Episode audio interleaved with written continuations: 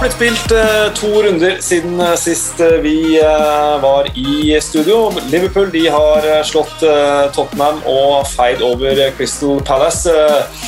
Manchester United de de ser plutselig ut som en tittelkandidat. Everton har tre strake seire. Chelsea har klart å vinne igjen, og Arsenal har ikke minst klart å fullføre en kamp med elleve mann, så en viss forbedring er det der.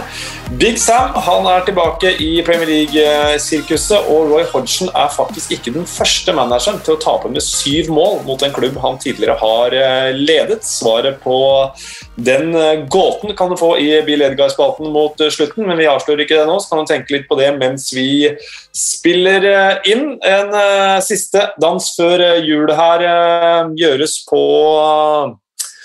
digitalt vis. Endre Olav Osnes med tommel opp eh, ser jeg her nå. Det betyr at du er eh, superklar for dette? Det stemmer, jeg Espen. Meget klar for å snakke, snakke julen inn. Og Simen Stamse Møller, vi bor jo 150 meter fra hverandre, men i disse covid-tider så sitter vi allikevel i hvert vårt hus. Vi holder 150-meteren, Espen. Det er sånn det må bli. Ja.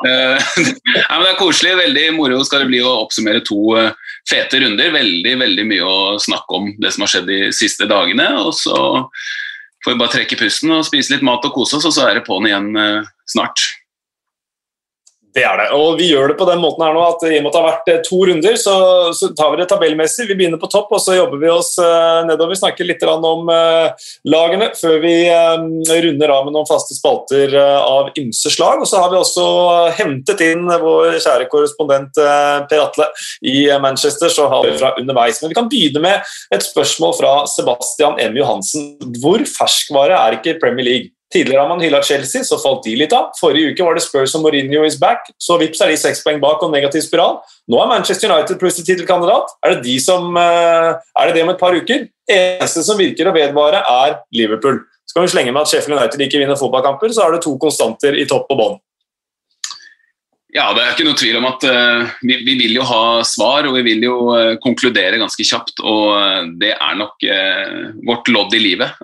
at vi er nødt til å vi er nødt til å uh, se på de små tendensene vi finner, og prate om det. Og jeg er uh, den første til å innrømme at vi er uh, for raske noen ganger til å, til å være skråsikre og si at ja, sånn er det blitt, sånn er det blitt, sånn er det blitt. Men på den annen side så må man jo faktisk se på hva som har skjedd da. I de få siste kampene, så er det det som er akkurat nå. Ferskvare, som man er inne på. og jeg synes det er veldig mange lag i Premier League nå som er egentlig like gode. Og Da må man jo faktisk mm. også se litt på, på, form. Hvem er formspillere, hvem har de skada? Hvordan er tendensen, hvordan er selvtilliten eller manglende selvtilliten hos det, det ene eller andre laget? Og det, det er jo, det er, jeg syns det er morsomt da, at det svinger såpass eh, fram og tilbake som det gjør. Og så skal vi jo, eh, skal vi jo gå litt i oss sjæl og si at eh, det er faktisk litt Eh, for ofte at vi er kjapt ute med å, med å, være sikre på det ene eller det andre. Sist gang vi prata sammen, snakka vi om hvem som var tittelkandidater. Det var Liverpool, Manchester City, Tottenham og Chelsea. Da sa jeg at jeg tror absolutt ikke at Manchester United kommer til å vinne ligaen. Jeg tar bort absolutt nå. Jeg tror ikke Manchester United kommer til å vinne ligaen, men jeg vil ikke være så bastant som jeg var da.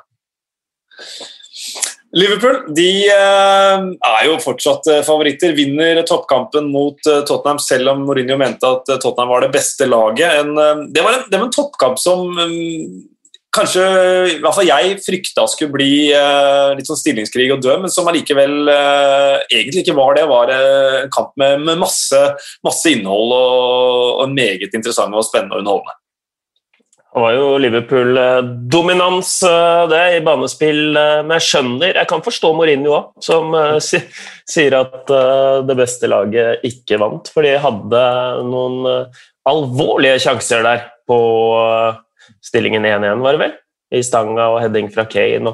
Så sjansemessig så skapte jo Posisjonerte jo Tottenham seg til å kunne ta det der hjem, men det føler jeg er en litt sånn der eh, definerende seier. Da. Nå er jo fotball ferskvare, vi har akkurat snakket om det, men når Liverpool tok den uh, ettmålsseieren der og så fulgte opp med 7-0 mot Crystal Palace, så kan det se ut som om noe, noe løsnet. Da. Jeg vet ikke om dere er enig i det? Vi skal vel ikke snakke altfor mye om den kampen, men, men der syns, altså det var en sånn ordentlig toppkamp. Ja. Mm. Uh, hvor begge lag er helt påskrudde. Veldig lite rom for uh, feil, eller egentlig ikke feil engang, men bare sånne bitte små ting som kan avgjøre. Da. jeg synes at Liverpool i de hjemmekampene, så er de virkelig veldig ofte mot andre gode lag. Så da er det et så høyt nivå som de aldri har vært på før, men de ligger på det jevnt nå. Jeg synes Det er det som er så imponerende, at de klarer å mobilisere like mye i hver eneste av de hjemmekampene der. Eh, men så må det jo sies at nå har sett Tottenham i to kamper. Det er jo et lag som har kontroll, eller tilnærma kontroll, når det andre laget dominerer. Og omvendt, når de selv dominerer, så føler man at åh, nå er det fare på ferde den andre veien. Så veldig eh, spesielt å følge med på Tottenham for tiden, hvor eh, jeg tenkte det da jeg så det mot Liverpool, at eh, det er faktisk Liverpool som er litt i fare når de har ballen. Eh, og Det viste seg at det var sånn også, i og med at det kom store Tottenham-sjanser. Men eh, det er sykt imponerende at Liverpool bare klarer å, klarer liksom å dra det i land på en sånn helt egen måte, som det virker som at bare de har i seg. Da, I de der tette, jevne toppkampene så er det de som vinner nesten hver bidige gang. Mm. Og Roberto Firmino som har eh, altså vært gjenstand for eh, om ikke kritikk, så i hvert fall nå er det kanskje på tide å bryte opp den eh, trioen. Men nå er jo slått av skada, og så slår han jo voldsomt tilbake i uka som har vært nå matchvinner på, mot, uh, Tottenham, og, nei, ja, mot Tottenham. Og to magiske goller, egentlig, mot Crystal Palace. Og den, den den 7-0-seieren den kommenterte vel du, Simen, om jeg ikke tar helt uh, feil. Det var, uh, det var, en maktdemonstrasjon av de sjeldne. Uh, Klopp ble sagt, eller det ble sagt til Klopp at dette var eksepsjonelt, og han sa ja, det var det. ja, men det var jo det. Eh, det, det er jo ikke mulig å gjøre det så mye bedre enn det der. Um, og så var de, de var effektive i første omgang, men eh, når man snakker om skudd på mål, sjanser ene eller andre veien, så må man også ta med i beregninga hvem det er som har disse sjansene. Mm. Eh, og etter den kampen der så satt jeg med en sånn følelse at eh, hvis du legger sammen kvalitet, fysikk og innsats, så skårer Liverpool høyere enn noe annet lag noensinne har klart på alle de tre parameterne. Nå har, de, nå har de gjort det i et par-tre år, da. men mm. når Liverpool er på sitt beste, eh, og de fortsatt altså, De har jo et kjempegodt lag, selv om de har folk ute med skade.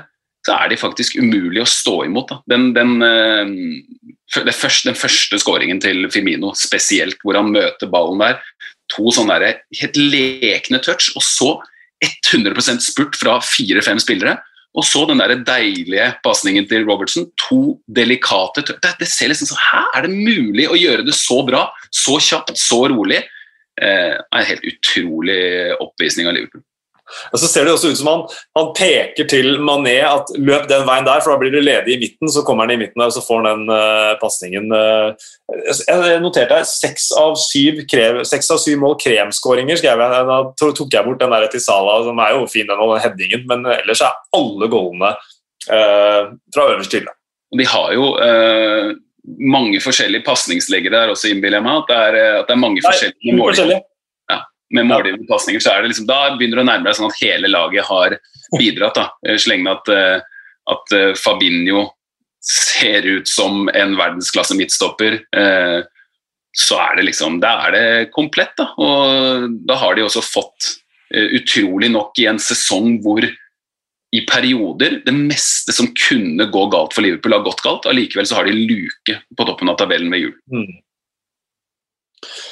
De har West Bromwich, Newcastle i romjula før Southampton venter på nyåret. Alle de tre kampene der, eh, slik Liverpool er, fremstår jo som eh, tre poeng og turer nok videre Liverpool-toget. På andreplass, eh, EO, der har vi eh, Leicester, som eh, måte har blitt uh, ditt mantra. Stabile Leicester. Nå tapte de riktignok én av kampene, men slo uh, Tottenham. Så de, de, er stabile på at de enten vinner eller taper, men de vinner mer enn de taper.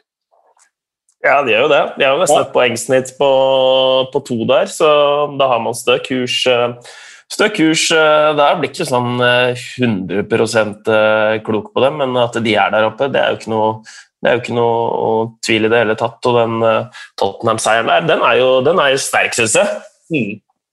Og der er Det jo, det var åttende forsøket til Brennan Rogers på å slå Mourinho, og endelig lykkes han. og um, klarte jo det de ikke klarte i sommer, å ta ut, uh, ta ut Kane og sånn med, med forsvarsspillet. altså Albrighton, Justin, veldig veldig gode blant, uh, blant annet. og et, et, veldig imponerende resultat. Uh, du har hånda oppe, Simen!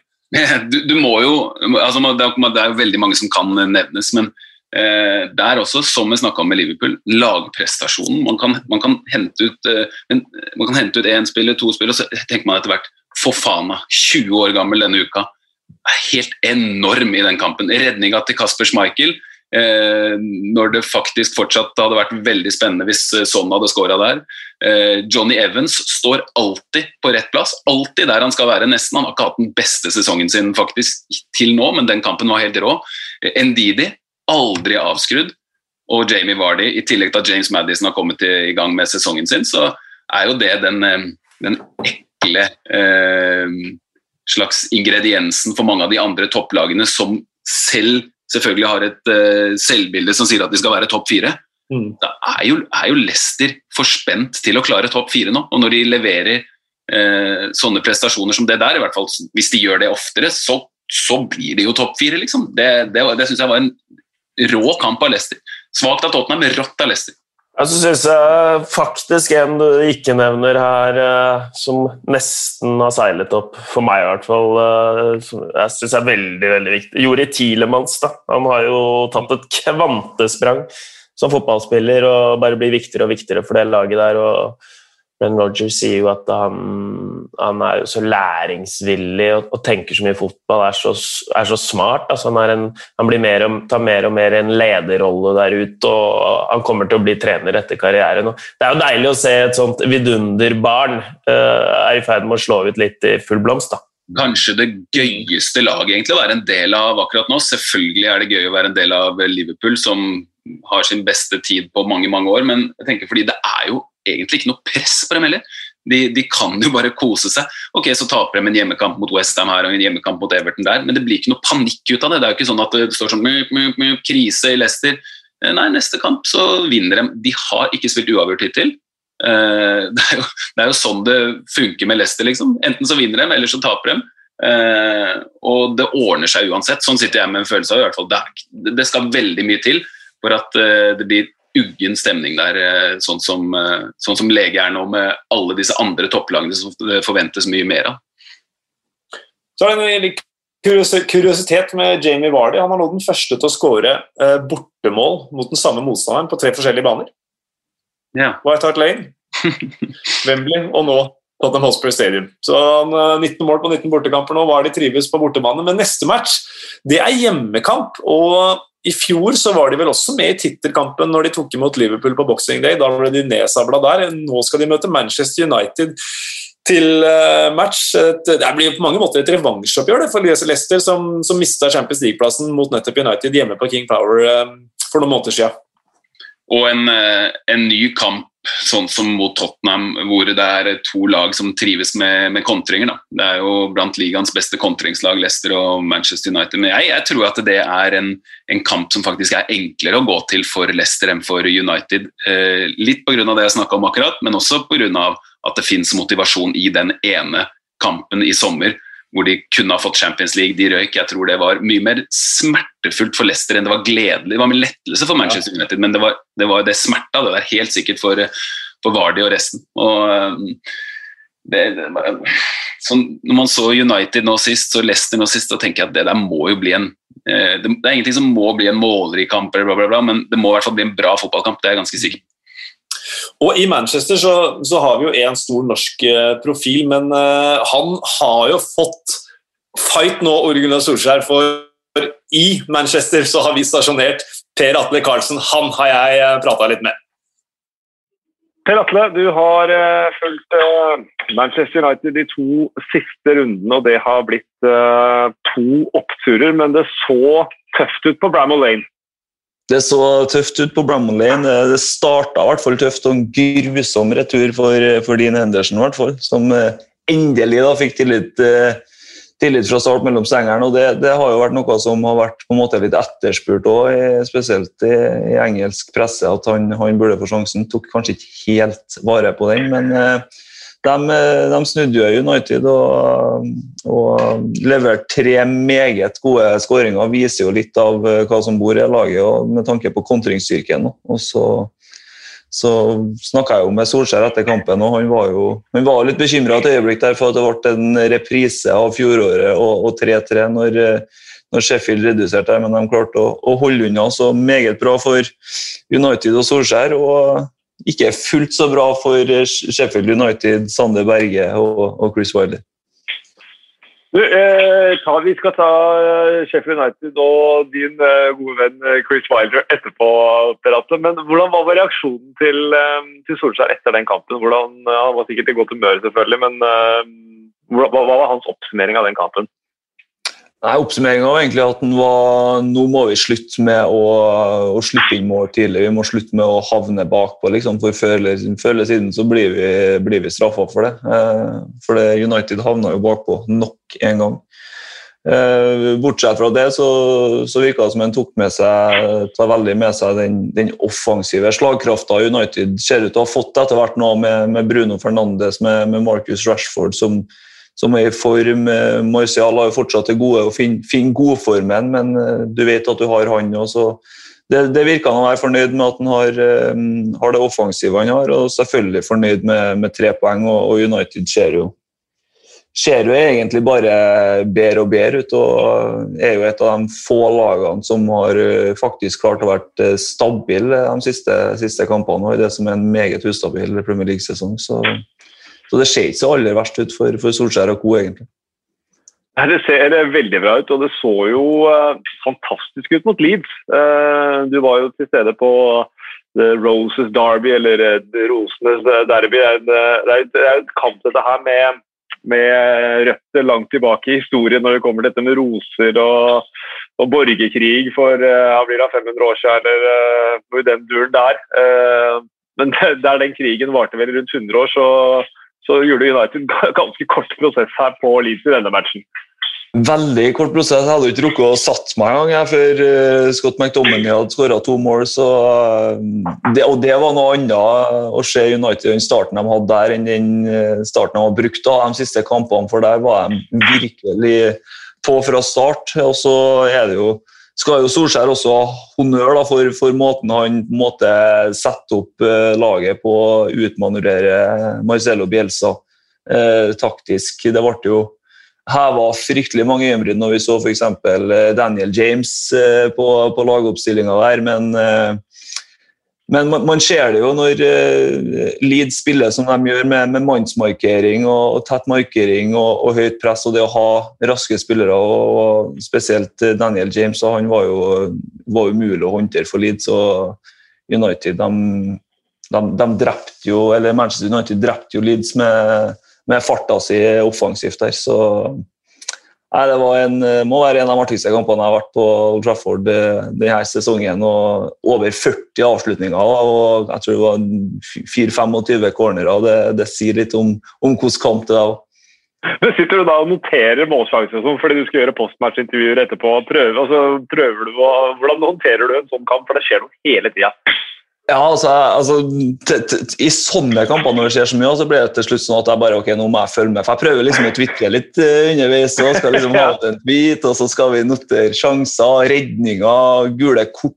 Uh, sånne situasjoner som vi kanskje skal ta opp etter kampen. Så, men akkurat i den kampen så ble det bare sånn Nei, nå orker ikke jeg gjøre noe, nå bare ser jeg på, og så, og så får jeg bare bruke husken. Så når det, når det, skjer så mye, så er det best å bare konsentrere seg om det som, det som skjer på banen. Også.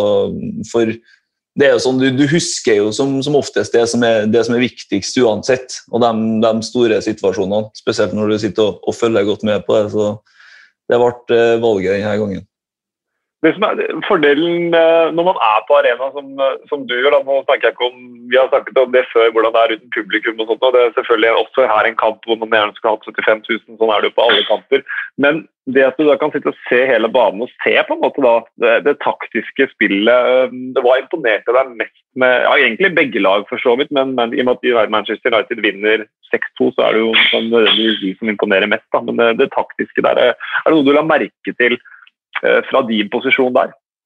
Nei, Det er egentlig bare det hvordan, eh, hvordan Solskjær kontrer det høye presset og mannsmarkeringa til, til Bjelsa, som egentlig er, er, årsaken til at de vinner så komfortabelt som de gjør. Da. For Leeds eh, var jo sjanseløs, og sammen når du får inn eh, McTominay på midten her, en kraftpakke som, eh, som eh, Leeds ikke har sjanse til å stille opp med, spesielt når de kjører mann-mann. Eh, så den krafta den hurtigheten United hadde offensivt, eh, den passa eh, utmerket eh, for United med tanke på å spille mot Leeds. Og det at Marcelo Bielsa og co. heller ikke virker å, å være villig til å tilpasse seg noe særlig, det ble også ganske tydelig i kampen. her, da, for, eh, for, det fortsetter jo sånn gjennom 90 minutter at uh, Leeds fortsetter, og, og mannsmarker fortsetter å stå høyt. og United fortsetter å kontre. De fikk jo, fikk jo kampen akkurat uh, inn i det sporet de ville, Solskjær og gjengen. så så det var, nei, det var Jeg syns det, det, var kult å se på. Jeg syns også det er kult at uh, Solskjær lykkes da, med noen av de grepene han gjør, som f.eks. Å, å sette inn på uh, Daniel James og sånn, og velge å, starte med Scott McTominay. og At han på en måte får, får igjen noe for det, for han har hatt nok grep han har blitt, blitt slakta for. Men jeg syns jo, synes jo den kampen her, blant annet i tillegg, så skal vi også ha i bakhodet at han har gjort gode kamper før. satt opp, eh, eller Hatt gode lagoppstillinger, hatt gode innganger til, til kamper tidligere, både mot managere som som Guardiola, eh, Nagelsmann, Angelotti eh, osv. Nå gjør han det også mot Marcelo Bielsa, som av de store trenerne ofte blir hylla som en ordentlig fotballhjerne, for å si det sånn, og den mange mm. mange ser opp til. Både Pep Guardiola og Jørgen Klopp har jo uttalt at de, at de ser fryktelig opp til denne mannen. her, Så, så jeg syns det, synes det også er litt kult at det, det lykkes så godt for, for Solskjær i en sånn kamp da, mot en sånn, sånn manager. Ja, og du snakket jo med, snakket du med Ole Gunnar etterpå? Jeg, ikke, jeg gjorde ikke noe intervju med ham etter kampen. Nei, Men du snakka med Viktor Lindeløf? Det gjorde jeg. Det gjorde og han, eh, han, kunne fortelle at uh, er, de er veldig fornøyd med den jobben som gjøres. og man står samlet. For det, det har vært lite, lite lekkasjer ut og misnøye. Det har vært noen sånn spredte rapporter med Bruno Fernandes som sånn rør for noen måneder siden. Men uh, selv om det er blåser hardt utenfra så virker det jo som at spillergruppa innad er uh, står samla. Og, og, når jeg snakka med deg så kan det virke som at uh, Viktor Lindløf måtte bekrefte det inntrykket. da.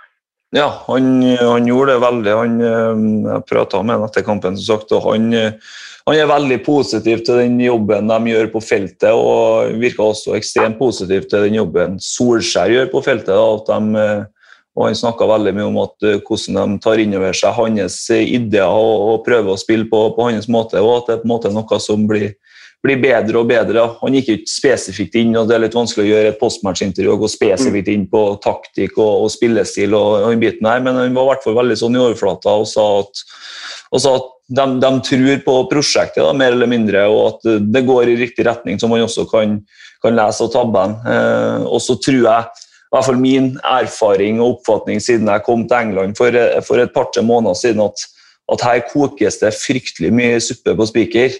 Så hvis man eh, ser eh, altså Noen tar et bilde av eh, Bruno Fernandes på vei ut av Carrington, f.eks., der han har der han ikke gliser fra øre til øre, så kan det være nok til at han er forbanna og ønsker seg bort fra Old Trafford. Sant? Så det, det er liksom at vi skal ta de, de ryktene om, om, om misnøye og, og, sånne ting. Det, det bør tas med, mer klypesalt, klype salt, for det, det, er ikke noen klubb i, i, verden omtrent som det skrives og menes mer om enn en nettopp Manchester United. og Derfor så kommer det jo fryktelig mye meninger og skriverier både den ene og andre veien. Ja, vi hører jo vi, hører vi er inne, prata inne på det også. Solskjær som eh, Det er et tilbakevendende tema. Er han faktisk eh, dyktig nok? Eh, har de et eget spill? Men det begynner jo å bli få av de store managerne han har møtt som han ikke har klart å, å bryne seg på. da. Det er jo kanskje bare Klopp igjen av de, av de store som han ikke har slått. Det føles som at det er omtrent eh, annenhver gang så vinner han mot de, de, faktisk noen av de, de større gutta. Eh, og uh, outsmarte eller avsløre Bielsas uh, taktikk, uh, det, det, kan man få til. Men det er jo noe annet å faktisk ha, å få spillerne i en kamp hvor det er United som er favoritten til å utnytte de store mulighetene i motstandernes taktikk. Da. Eh, det syns jeg han lyktes veldig veldig godt med. Der er det jo, og Så får de jo en superstart, og jeg tror det gjør mye. At de får bekreftelse på at ah, ok, det er såpass lett, ja, det funker, det er bare å fortsette her. Så blir det en kjempefin dag på jobben og en eh, rolig og grei eh, reise til Eller det var ikke rolig i det hele tatt, det var en sinnssyk fotballkamp, men en grei reise til tre poeng i hvert fall. Ja.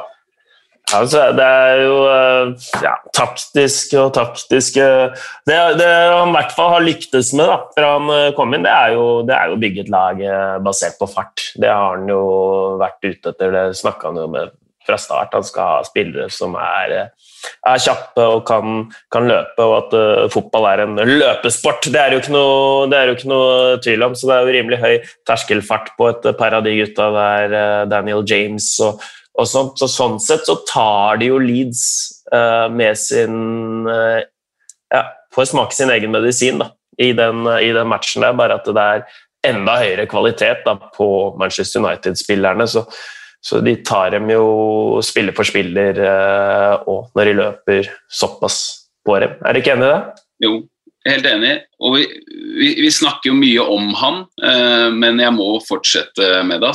Bruno Fernandes. Ehm, for en fotballspiller.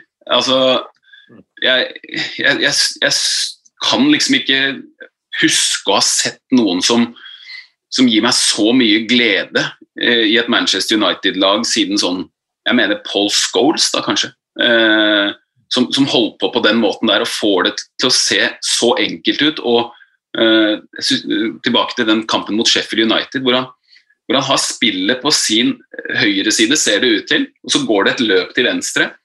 Blikket hans er mot, omtrent mot høyre cornerflagget, det, er, sånn 40 meter ut fra mål. Chipper han den inn mot et diagonalt løp inn fra venstresiden. Det er sånn, hæ? Er det, en ting er å oppfatte det, en ting er å tenke det, men å gjøre det og det å utføre det og prikke helt perfekt inn bak forsvar Jeg blir så glad jeg, når jeg ser spillere som tenker fotball på det, og, og utfører selvfølgelig fotball på den måten som han gjør. Han er så forbanna god. og uh, han, han, han, har redda Manchester United. Da. Det mener jeg helt seriøst. Han, altså det han har gjort det siste året her nå, uh, det mangler sidestykke synes jeg, når det gjelder å komme inn som en offensiv spiller i et så så stor klubb, egentlig et ganske bra lag, men å synes så godt. Fy søren, jeg er så imponert. Hver eneste kamp, nesten. Mm. Ja, det er ikke noe tvil om det. Han, han, prøver jo Han prøver jo ekstremt mye på det òg, da. Det må han jo Men det er på en måte en selvtillit i det spillet hans som er, som er helt, helt, vilt. Så han strør jo en del pasninger utover, utover dørlinja òg, men når han sitter igjen med så mange målpoeng som han, han gjør, så er jeg helt enig i det, Simen. Og så må jeg jo trekke frem Jeg syns Rashford òg, altså. Han, nå, han, hvor gammel er han? 23. Hvor god kan ikke han egentlig bli? Er, han har vogna nå. Han har vogna skikkelig. Han hadde en periode hvor jeg lurte litt på om det her eh, greiene som han jobber med utenfor banen, som selvfølgelig er formidabelt, men jeg, jeg tror det koster. Altså. Det mhm. koster å holde på sånn som det, det han har gjort, å egentlig tale eh, de største kreftene i landet midt imot og lykkes med det og få så mye støtte. Veldig mye energi går dit, og så skal du inn på en fotballbane og gi alt du har og være dønn fokusert i hvert eneste øyeblikk. Eh, og eh, kan hende at det preger han en stund, men nå er han i kjempeslag igjen. Og Det går litt opp og ned for nå, da. Eh, hvor Bruno Fernandes har vært mer eh, stabil. Eh, Martial er veldig ustabil. Rashford er et sted midt imellom. Men jeg liker det Manchester United-laget bedre når Martial er der. For han har, han har på en måte en, en edge som borte mot Leipzig når han ikke var med, ikke Kavani med. De mangler litt sånn sting, noen som kan gjøre noe altså, Flere strenger å spille på, da, og Martial funker jo bra med Bruno Fernandes. De har jo god kjemi. Mm. Ja, og Apropos Marcus Rashford, nå har han 43 mål under Solskjær. så Det er jo en stat det også. Det er ingen spillere som har skåra mer under en manager siden Alex Ferguson sin tid. Så ingen tvil om at Rashford er en, en viktig spiller. Det her var jo uh, roe, War of the Roses. Dette her leads mot uh, Manchester United, Lancashire mot Yorkshire. Det, borgerkrigen for noen hundre år siden den varte i uh, rundt 30 år. Denne kampen her var det jo tre minutter, så var McTominay eh, tomålsskårer. Eh, ta et uh, ord om, De har jo et eh, ny rekord, uh, også, eller ti strake borteseiere nå, Manchester United. uansett Hvis de havner under, så, så vinner de. så det det er et godt omen for, eh, for eh, Solskjær og United før møtet med Leicester, som vi snakka litt om i stad. Men øh, hørte du sa, Simen, at de kommer absolutt ikke til å vinne ligaen. De har tatt bort absolutt. Hva tenker du EO, om tittelkandidaturet til Manchester United? Nei, Jeg er enig med, med, med Simen uh, der. Um, veldig høyt toppnivå og så ditto lavt bunnivå. De, og nå har de på en måte når du så hvordan de eh, kastet bort Champions League-avansementet, eh, så, så, er det noe litt lite troverdig over, eh, over, det de driver med. Men det er klart, apropos stabile altså liksom Bare se på Premier League. Seks seire, én uavgjort på de syv siste. Det er jo meget, meget sterkt. Så sånn sett så leverer de jo, men de svinger altfor mye fra kamp til kamp. Alle disse bortekampene hvor de havner under først. Eh, det er ikke noe som minner meg om et tittellag der. Riktignok så snur de det. Det er en sånn berg-og-dal-banereise da, å være med på nesten hver eneste kamp. Så noe taler for. Uh, absolutt. De har typene, de kan slå alle. men det er noe litt lite troverdig over det. da. Nå er vi gode på å ikke konkludere, syns du ikke det, Espen? Og så, og så, kommer det jo, så kommer det to bortekamper nå. Eh, de har den kjempebortestatistikken. De kan vel tror de kan tangere rekorden for strake borteseiere i Premier League eh, hvis de slår først Leicester og så Liverpool på Anfield. Det er de to neste borte. Og etter det, etter det, da tenker jeg at da er det ganske mye enklere å svare på det spørsmålet. Eh, for det har jo mye å si hvordan de de, de, kan ha vært ustabile til nå, det har jo for så vidt også Liverpool vært. Men om de klarer å stabilisere seg, så blir jo saken en annen. For Det kan jo også være, det er jo en del av å bygge et lag og få skuta på rett kjøl da, og, og, faktisk bli mer stabile. Det kan man jo lykkes med. Eh, det er jo ikke, fordi Jeg er selvfølgelig helt enig med deg at de har vært ustabile, men kan, de kan jo stabilisere seg. Liksom. Det er jo en positiv utvikling på, på, det, laget, på det laget der, eh, absolutt. Så det er klart når man feirer jul um, fem poeng bak Liverpool med én kamp til gode, så er det jo rimelig arrogant uh, å si at de absolutt ikke kan uh, vinne serien. Det kan de jo. Mm. Everton, eh, apropos å svinge, de har nå tre strake seire. Plutselig oppe på en fjerdeplass. Slo Leicester 2-0 på King Power, og så Arsenal 2-1 hjemme på Goodison. Det hva skal vi uh, si? Av de siste tre seierne, den er interessant, så har de altså i andre omgang tror jeg der, rundt 30 ballinnehav. Uh, og da kontrollerer de inn. Litt sånn som uh, var Mourinho som sa det, at hvis vi ikke trenger å angripe, så trenger vi ikke å gjøre det. det kanskje, Jeg vet ikke om det er en ny side av Ancelotti, men, uh, men i hvert fall knallsterke, knallsterke tre seire på rappen nå for Everton. Jeg tror det har en del å si at de spiller med fire midtstoppere. Uh, og når de da tar ledelsen, så vil det være uklokt å sende fram de bekkene som egentlig ikke er bekker. Det er jo egentlig et våpen for Everton, men um, Luca Din er jo uh, han sammen med Hames Rodriguez er jo de mest sjanseskapende spillerne til Everton i starten av sesongen. Uh, er vel kanskje det fortsatt, egentlig, selv om de har vært uh, borte i noen kamper. Så, så, så er jo det helt optimalt da, når du spiller med, med, fire midtstoppere og har den der blokken på midten. og Fikk Allan seg en strekk, det er ikke bra for eh, Everton, men fortsatt så har de Dokoré og de har ganske bra cover på midten. Uh, men det å ta ledelsen og så ruge på den, det er jo satt opp veldig fint for det. Uh, og så likte jeg jo det Angelotti sa, at ja, nå, apropos det at den pendelen svinger, da, at han sa at ja, når det går når det går bra, så er det fordi at jeg er så rolig og fin. Når det går dårlig, så er det fordi jeg er så rolig og fin. det liksom sånn.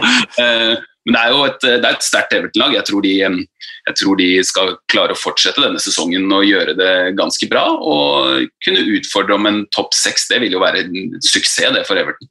Mener du at Holgate og Godfrey ikke er moderne backtyper, eller, Simen? Spennende backtyper. Ja.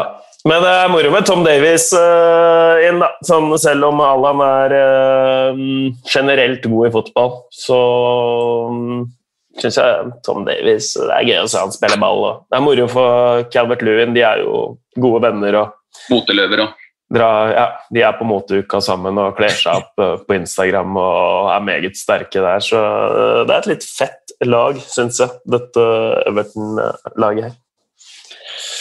Uh, før denne uka så slo Everton uh, Chelsea. Siden det så tapte altså Chelsea for uh, Wolverhampton borte, men slo tilbake i går med en solid 3-0-seier over Westham. Lampard var jo veldig tydelig for noen uker siden på at det ikke var tittelkandidater.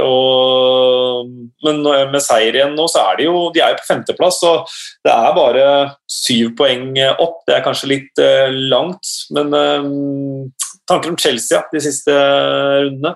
Akkurat det tittelgreiene det har jo forandra seg en del, synes jeg, pga. at Liverpool ser så råsterke ut. Eh, sist gang vi snakka sammen, så var det liksom Hvem er reelle kandidater, da? Eh, de, alle har blitt mindre favoritter pga. at Liverpool ser så bra ut. Eh, så syns jeg Chelsea lenge i den kampen leverer under det jeg forventer av dem. Eh, selv om de møter Westham som er i bra form, så så tenker jeg at når, når Chelsea spiller hjemme mot Westham, så skal de, eh, selv om de leder tidlig, dominere mer og ha enda litt bedre kontroll. Eh, de, eh, de, slipper til forholdsvis lite, men satt hele veien med en følelse av at, at Westham fint kunne ha skapt enda mer hvis de hadde vært mer nøyaktige. man skal ikke være for avhengig av kvaliteten til det andre laget når man er Chelsea hjemme mot Westham. Så ble det 3-0, og så ser det fint ut til slutt. Eh, men eh, de lever litt farlig lenge i den kampen. Jeg synes ikke De ser, de er ikke på sitt aller beste nå, eh, Chelsea, i det hele tatt. De, kan, de har mye å gå på, og han stakkars Timo Werner nå Men der er, det jo, der er det jo mye å gå på. Altså, Snakk om uh, spiller som plutselig har mista all selvtillit. og Får han en scoring eller to eller tre, skårer han i to kamper på rad, da, så tror jeg han er tilbake. Mm. Han, går, han, har vel eh, sagt også at han har vært tøffere enn han hadde regna med å komme til eh, Premier League. og ja, Vi må fire år tilbake, og vel så det. Vi finner sist han eh, Jeg ringte sjefen. Sist han ikke skåra i ligaen på starter. så Arsenal neste for Chelsea på boxing day. Det kan det bli bolteplass for Timo Werner. Eh, vi holder oss i London, for Tottenham ligger på sjetteplass. Eh, etter to tap nå, så, så er det jo litt eh, vei opp. Aurier med en hodemist som lagde straffe mot Chelsea. Altså, men Mourinho kasta den ikke under bussen og sa at okay, det er en feil, men det er sånn som skjer.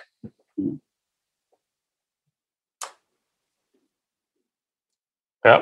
Jeg hørte ikke ja, det er veldig snilt, det, da, av uh, José Mourinho.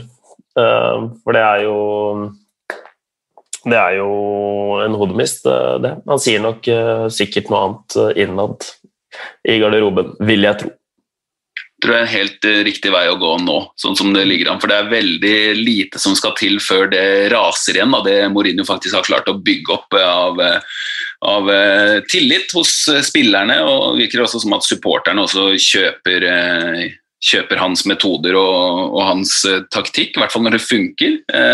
men det, det Tottenham-laget nå Vi skal jobbe på hva er det, 27. har de Wolverhampton. Så vi satt, jeg satt med det i går og så igjennom den kampen med klipp fra hvordan Tottenham spiller mot etablert Leicester-forsvar det er tynt. Altså. Det, det, er veldig vilkårlig, det er litt slurvete. Eh, mye på første bevegelse, litt sånn derre eh, stressende, egentlig. Og så legger jeg også veldig godt merke til eh, Son og Kane de har 20 mål til sammen, det er 80% av lagets skåringer. Eh, men man ser ganske godt at når de får ballen, de andre da backer litt unna, faktisk. Det er ikke ofte man ser det hos lag, men de andre, akkurat som at de, de forventer at de skal gjøre jobben. De, den jobben de skal gjøre, er ikke bare å gjøre, den skal ikke gjøres bra, den skal gjøres helt perfekt. For de har ikke så mange sjanser å, eh, til å score på.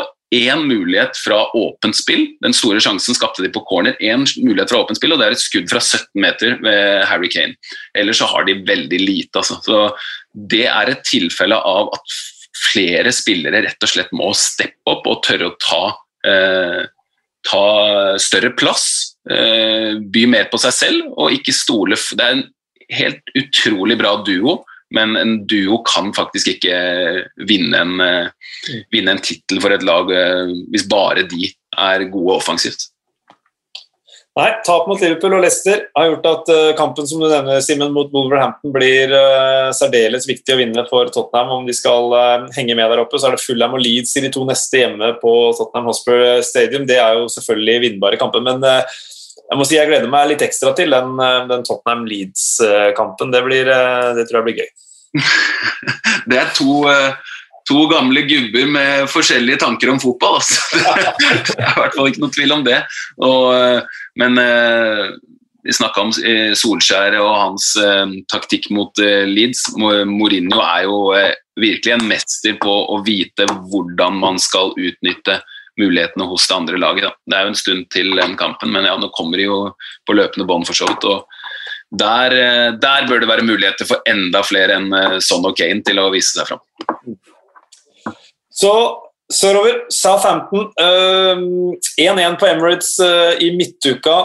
Tap mot Manchester City hjemme. Uh, på Emirates så var de lenge, om ikke i store deler, det beste laget. Og Hasenhyttel fornøyd med matchen mot City, mente de var bedre i den kampen enn da de slo dem i sommer. Sånn som jeg ser det, ingen grunn til bekymring for Southampton, selv om det bare ble ett poeng i de to kampene her nå. De har fortsatt meget gode så langt. Ja, absolutt. Og um, den kampen Jeg er enig med Asen Motter. Den kampen mot Manchester City den var jo veldig, veldig um, jevnbyrdig. Uh, de, i, de er et, et, av få lag som, som tør å spille det Manchester City-laget ordentlig, da, med sin egen stil. Uh, stormer ut i høyt press og um, er egentlig helt på høyde.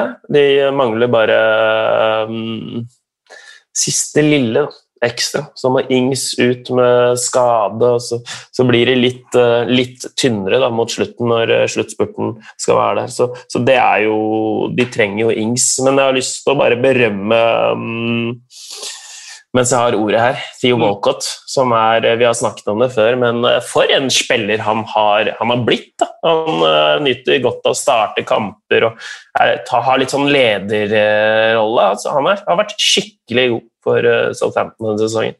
Jeg hadde lett avskrevet han tidligere. Liksom. Jeg trodde at han var, uh, var ferdig, men det har gjort godt å komme seg hjem igjen. og en annen spiller som ikke er en like stor profil, men som jeg trodde var dårlig, det er han Westergård i Midtforsvaret. Ja, ja. altså, det så ut som han ikke kunne altså, så ut som det var et eller annet som var, liksom, var litt feilskrudd sammen. eller et eller annet sånt. Han sleit med å bevege seg, men nå syns jeg, jeg, han får til det meste. Eh, farlig på offensive dødballer i tillegg. så eh, akkurat det der at de har fått bedre dreis på forsvarsspillet, gjør jo at Southampton er et øvre halvdel-lag og vel så det. Eh, så har jeg veldig jeg er veldig svak for Danny Ings. Altså. Synd at det går sånn, kommer fram og tilbake skader her og der, men for en innstilling. og Han er god, liksom, god teknisk, målene han skårer. Jeg eh, tror også at han er veldig viktig i gruppa. Gladgutt. Så der er det sikkert bra harmoni der òg, tror jeg. Til tross for et eh, knepent tap eh, sist mot City. Men, ja. Nei, kjør, ja. Ja, jeg bare vil få kive hive meg på Westergård-toget ditt, uh, Simen, før det suser helt av gårde. Så Enormt deng i den uh, skøyta hans, da, hvor han slår de uh, 70-meterspasningene uten uh, tilløp presist der. og er fascinerende å, se på. Så er han også litt sånn vass i nærspillet. Jeg syns det var moro, moro, å se han og Bednarek faktisk stå spille ball seg imellom og vente til de fikk åpningen. Da. Veldig fascinerende eh, frispillingskjør der. De, de turte liksom de, de, blir ikke stressa uh, bak der. De de venter på de får på seg presset, og så, så skjer det noe. Det var en sånn deilig nerve. Likte, likte det godt. Det Westergård-toget vil jeg være med på, altså. Fordi uh, jeg syns jo han Altså Det er en drøy parallell, kanskje, men nå får, nå får, det toget ordentlig fart. altså Nå suser det gjennom alle stasjoner her, men får litt van Dijk-vibber, ja. Altså, oi, oi, oi, oi. jeg gjør det. Er det for mye? Det er jo deilig, det. Bare fortsett. Ja. Hvorfor får du van Dijk-vibber? Jeg får van Dijk-vibber av Westergård. Altså, han, han, er jo god med ballen nå, selv om han er tre meter høy og strør pasninger og trodde han var ferdig. ja, når, uh, for et års tid siden at det skulle bli Stevens og Benarek. Det så jo sånn ut også, men uh, skårer masse mål. og så Liverpool trenger en ny stopper, så får bare håpe på Southamptons del at ikke Klopp er enig med meg. Det Men, må, ikke, må ikke Moi bare komme seg inn der igjen, da? Altså, han er jo deres eiendom. og jeg er fortsatt langt fra gitt opp at han er en Premier League-spiller, altså, men eh, jeg tenker det hadde jo vært helt ypperlig å få han inn der nå som laget også er så bra. Eh, og det, er, det er ikke noe sånn Westergård er plutselig blitt i hvert fall når jeg hører på deg nå, blitt en av de som kanskje plutselig kan plukkes da, av andre lag, men det er ikke så mange andre. da. Så Det laget der tror jeg kommer til å se ganske likt ut i en god stund framover nå. Men det er mulig å spille seg inn. altså Armstrong får spille litt, han Genepo, ja, han har noe absolutt. Uh, uh, Walcott Jeg tror det er mulig for uh, Moi å, å, kunne spille seg inn på det Southampton-laget der, og da kan vi ha enda en norsk spiller i, i, et skikkelig bra lag i den beste ligaen.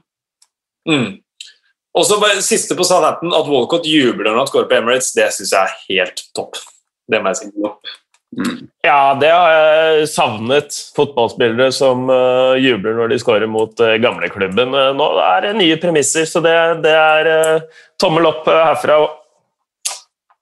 Og da, I og med at vi allerede er i den matchen, så Manchester City en uh, skuffende forestilling mot uh, West Bromwich, men uh, tar en seier altså, på sørkysten. De har åtte poeng bak Liverpool, en kamp mindre spilt, spilt riktignok. Ingen tvil om at skoen trykker offensivt, hvor de ikke skårer nok mål. Jeg trodde det hadde løsna mot Burnley, men det ser ikke helt sånn ut ennå. Nei, det gjør ikke det. Det er noe som er galt der. og det er jo ikke sånn at det er ikke sånn at det er én eller to eller tre som ikke er på sitt aller beste nivå. Jeg syns egentlig bare det er De Det Brødene som er noe som ligner på der han skal være. Men ellers så, så, så syns jeg det, det, virker som at, um, som at de, det knyter seg. De, de, tør ikke å prøve på um, ting av høy vanskelighetsgrad, sånn som de gjorde før på sitt aller beste, da, da, så man jo egentlig perfekt fotball. Men det skal jo veldig mye til å følge opp det. Mm. Og det kan jo hende at det er det som skjer når man ikke får til det helt perfekte. At man da blir skuffa over seg selv, at det går utover selvtilliten, det går utover flyten. Eh, og kanskje man også får beskjed om å for det virker sånn at de tar mer hensyn defensivt og er litt, mer, litt sikrere bakover. Eh, og at det påvirker prestasjonen framover, kan ha noe å si. Jeg, jeg heller mer med at, eh, at, at, det er veldig vanskelig å følge opp det perfekte. Og da har han Guardiola som driver og Han har jo selvfølgelig kjempepeiling, men at han driver og peprer inn ja, men det, det er jo bare, bare gjør sånn som du gjorde den gang, husker du det? liksom, at det, det er den, Sånn skal det gjøres, det har du gjort før. Så mm. er det ikke alltid. Eh, det er ikke hokus pokus, det, og så funker det igjen. Eh, men Manchester City har veldig veldig mye å gå på. Og Kanskje de kommer tilbake til det nivået, men jeg begynner å tvile litt på om de kan være så gode som de var for et par år siden. Aston Villa de har hatt den beste sesongstarten på ja, 19 år er det nå i uh, toppdivisjonen. Da endte de på 18.-plass. Uh, eh, ligger nå på en niendeplass. Se her, to kamper mindre spilt. De har vunnet fem av de uh, seks siste borte. Holdt nullen sju ganger. Det er mest i Premier League. Uh, en kanonstart på sesongen for Aston Villa, rett og slett. Ja, De er jo øh, Jeg forventa litt at de skulle, skulle, slå av, men øh, det har de jo faktisk ikke gjort. Så forventa jeg i hvert fall at de skulle nå Jeg mente at kjepphesten min var at de er veldig avhengig av øh, Ross Barkley. da, mm. Fordi han gjør Grealish bedre, og Grealish gjør Ross Barkley bedre. Men nå har jo gutta, gutta vogna, de erstatterne, som blant annet El Ghazi så har jo Traoré òg Det var jo siste du etterlyste, Simen, for du satt og kommenterte en uh, kamp. Siste av de uh, nysigneringene som måtte vogne. og Han har jo vogna, han nå. Så det ser jo fint ut nå. Da begynner det å svinge veldig. Uh, de har en dritgod keeper også, som de har fått inn, som, mm. som, stopper det som kommer omtrent hans vei. Aston Villa, det gledeligste som har skjedd denne Premier League-sesongen av eh, lag. Det har vært uh, en fryd. og I tillegg så har de klart seg ålreit de gangene de har måttet klare seg uten, sånn som Douglas Louise fikk en suspensjon der. Ross Barkley med skade, litt her og der. Grealish han må jo stå, han er jo så, så god. Han kunne spilt på hvilket som helst lag. Eh, men eh, du nevnte El Ghazi. Han, eh, de siste par kampene nå, der ser man også en som virkelig har lyst til å være med på leken. Altså. Se opp for han framover. For det virker som at det er en, kjempegod Premier League-spiller, og da er det konkurranse om plassene. Det er egentlig bare skal sette opp det laget, så har du keeperen er klink, tror midtstopperparet er ganske klink. Douglas Louise må spille, Grealish må spille, Barkley bør vel spille og Watkins bør spille. Men utover det så er det konkurranse. Eh, McInn må spille. Men det er jo halve, halv, på halvparten av laget og en del offensive posisjoner, Traoré, El Ghazi, Trezeguet og sånt, der er det kvalitet. Eh, kommer til å komme kjempegodt med. Eh, de kommer til å bidra med poeng for dem. og Da lander de kjempefint denne sesongen og kan ta fortsette å ta skalper, det tror jeg. Den 3-0-seieren bort mot Arsenal og den 7-2 mot eh, Liverpool. De har klart det allerede. Sesongen er redda, alt er fint. Nå kan de bare nyte videre. og Jeg tror det er helt herlig å være Aston Villa-spiller for tiden. Ja, det er jo Jeg tror det er syv nuller jeg, han har holdt. Eh, ja. Uh, Martinez uh, i kassa der, bare for å, for å bygge opp uh, med litt fakta på de påstandene dine, Simen. Så det er nok uh, sikkert noen Arsenal-supportere der ute som uh, savner uh, ham, selv om det kanskje ikke er der skoen trykker i Arsenal-leiren. Men vi kommer vel dit når vi skal litt nedover på tabellen. Gjør nok det. Uten å gni noe som helst inn. Kjør, Simen. Du holder på, eller? Ja, sorry. vet du hva som, Det som er så dritt med sånn Zoom, er at man blir ivrig. Man trykker rekke opp hånda, og så glemmer man på å ta ned hånda. Skal ta ned hånda der. ja, bare en siste på El Ghazi, da, som eh, liksom berg-og-dal-bane kommer inn og blir matchvinner mot Wolverhampton eh, på overtid. og Så brenner han jo mange sjanser mot uh, Burnley på gang etter gang, og så blir han utslagsgivende igjen.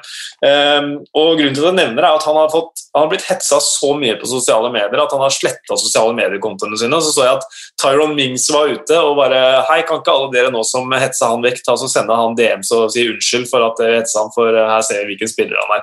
Så Mings, eh, selv om han ikke er klubbkaptein, så fremstår han litt som kaptein eh, der. Crystal Palace, Chelsea og Manchester United, de tre neste på Aston Villa, som også har to kamper til gode. Hvis de, hadde, hvis de, vinner de to, så er de bare tre poeng bak eh, Liverpool. Men det blir mye ifs and buts, som det heter.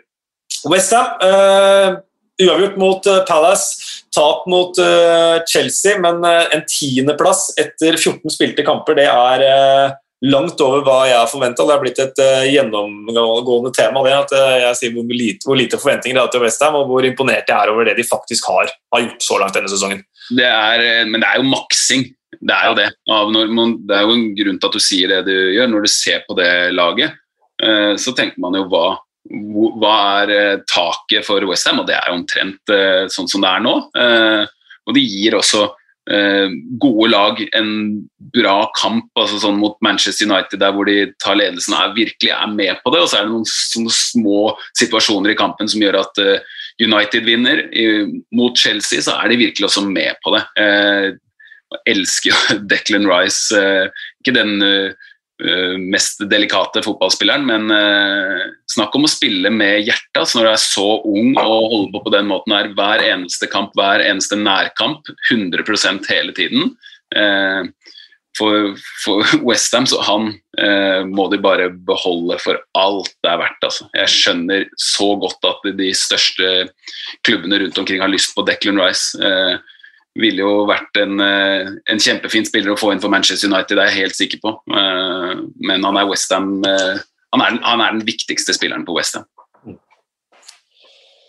Wolverhampton da, de gikk fra å slå Chelsea i det 91. minutt i midtuka, Pedro Neto med 2-1-skåringen der, og så taper de for Burnley. Etter kampen, vet ikke om dere fikk med dere, så var Nuno Spirito Santo rasende på Lee Mason bare fordi han, han, var, han er rett og slett ikke god nok. Det var, det var, det var, altså det var en radbrekking av Lee Mason. Det var ikke de store avgjørelsene, det var bare hvordan han var som dommer generelt. Da vi så at han skulle være med en dommer, så bare tenkte vi å nei, nå er kampen ødelagt. Altså, Voldsom reaksjon fra Santo der. Lee Mason var jo en av banens beste. det er jo han er jo en veldig rolig fyr, egentlig. Nuno Spirito Santo. Nesten så han står og hvisker og bare smiler i alle intervjuer, og så plutselig så har det bare hopa seg opp som en sånn litt og litt luft inn i ballongen, og så bare puff, Jeg syns det er litt deilig òg. Det, bare, det, er jo ikke bra selvfølgelig å, å, gå så hardt ut mot en, eh, en aktør. Det, det, vinner du ingenting på. i eh, altså Det snakkes jo om i dommerkretser, sånn, de er jo ikke fornøyd med måten han tar den på, så får du ikke noe hjelp etterpå av det. Men jeg skjønner godt at det kan hope seg opp og bare den ballongen sprekker en gang iblant. Altså. Ja, var jo, Han jo, han var ganske sånn rolig i kritikken sin òg, Simen. Altså, sånn kroppsspråket. Han sto og beklager at jeg sier det her, men det er bare nødt til å bli tatt opp. Uh, det, var, det, var jo, det, var, jo, ingen ja, som du sa, ingen sånne store feil med måten han håndterte kampen på. så Han blåste når spillerne ropte. Og, så um, Han er jo en litt sånn snill dommer, da, Lee Mason, men han er vel kanskje litt sånn uklar, da, utydelig. Men, er, det er jo uh, for altså Man tenker på hvor høy kvalitet det er på alt i Premier League nå. Alt fra apparat rundt laget hvor alle har en dødballtrener og fem medicals og så mange så, mange, så, så, stort apparat som er i sving, så mye kvalitet, så mye som satset. Så trangt nåløye for å komme seg inn. Det er jo ikke sånn for dommere. Altså, det sier seg jo selv at jeg, jeg, har ikke peiling på hvor, bra det er, hvor vanskelig det er å være dommer, men rekrutteringen for dommere er jo ikke all verden når Lee Mason og John Moss og de flyr utpå deg fortsatt. Det kan jo ikke være sånn at eh, det kommer opp en sånn kjempebra eh, generasjon med, eh, med, talentfulle dommere nå, hvis de gutta der er der fortsatt. Skjønner dere litt hvor jeg vil hen? Ja, absolutt. Vi skal, vi skal, komme tilbake til hva Sean Dyche sa, for det, tro meg, han klarte å finne et eller annet å plukke på, han også. Men uh, Wolverhampton de har uh, Tottenham, Manchester United og Brighton i de tre neste. Denne uka her var jo kanskje litt uh, sånn som Wolverhampton har vært denne sesongen. her, At de vinner noen kamper, taper noen kamper. Jeg blir ikke like begeistra av dem som jeg var, har vært tidligere, det må jeg ærlig innrømme. Litt, litt kjedeligere, kanskje. Jeg vet ikke. Ja, og De blir duellert ut mot, mot Burnley, så jeg, jeg, jeg synes bare, Så det er sagt, selv om man kan skjønne Nuno Espirito Santo bare for å tviholde litt, litt mm. på den der, så syns jeg det er arrogant å si det. Etter ja. at de, rett og slett Burnley vant fortjent da, den, den, kampen der. Og, og de, de, vinner flest dueller. og men eh, absolutt, det er gøy. Det, det, som er positivt med Wolves, da, det er jo alt eh, talentet som kommer opp der. Og det skal uh, nevnes at Fabio Silva ble den yngste målskåreren for Wolves i Premier League nå, når han tok straffesparket på tampen i kampen mot Burnley. Så 18 år og 155 dager var han da han satte inn det fra 11-metersmerket stort ansvar på unge skuldre med Raúl Jiminez ute. I eh, nordøst i Newcastle der eh, blåser det alltid, både bokstavelig talt og rundt eh, Steve eh, Bruce. Rakna fullstendig siste kvarteret mot eh, Leeds i midtuka, tapte 5-2. Og så er de heldige som uh, tar et poeng uh, hjemme mot uh, Fulham. Steve Bruce sa at de hadde alle de offensive spillerne på banen på slutten, men de klarer ikke å skape sjanser likevel. Det høres ut som en fallitterklæring å liksom stå sånn uh, Jeg hadde alle de offensive, men vi klarer ikke å skape noe. Jeg, jeg må si jeg hadde det så fælt. På, var det på lørdag? Ja, det. Newcastle mot Fulham. Uh, vi, vi, var veldig nære en stor gevinst, jeg og, jeg og tippelaget mitt. Og vi mangla, vi mangla seier for Newcastle. Oh. Vi får én mann utvist, for Fulham også, straffe, var 20 minutter igjen eller sånn. Tenker yes, nå sitter han. Og det var, det var et ganske høyt beløp. Å sitte der og se på det der i 20 minutter, et lag som har alle tiders mulighet til å vinne mot et Fulham-lag som ja da, det har vært bedring og alt sånt, men det er Fulham hjemme med én mann mer. Det så ut som at de spilte for uavgjort.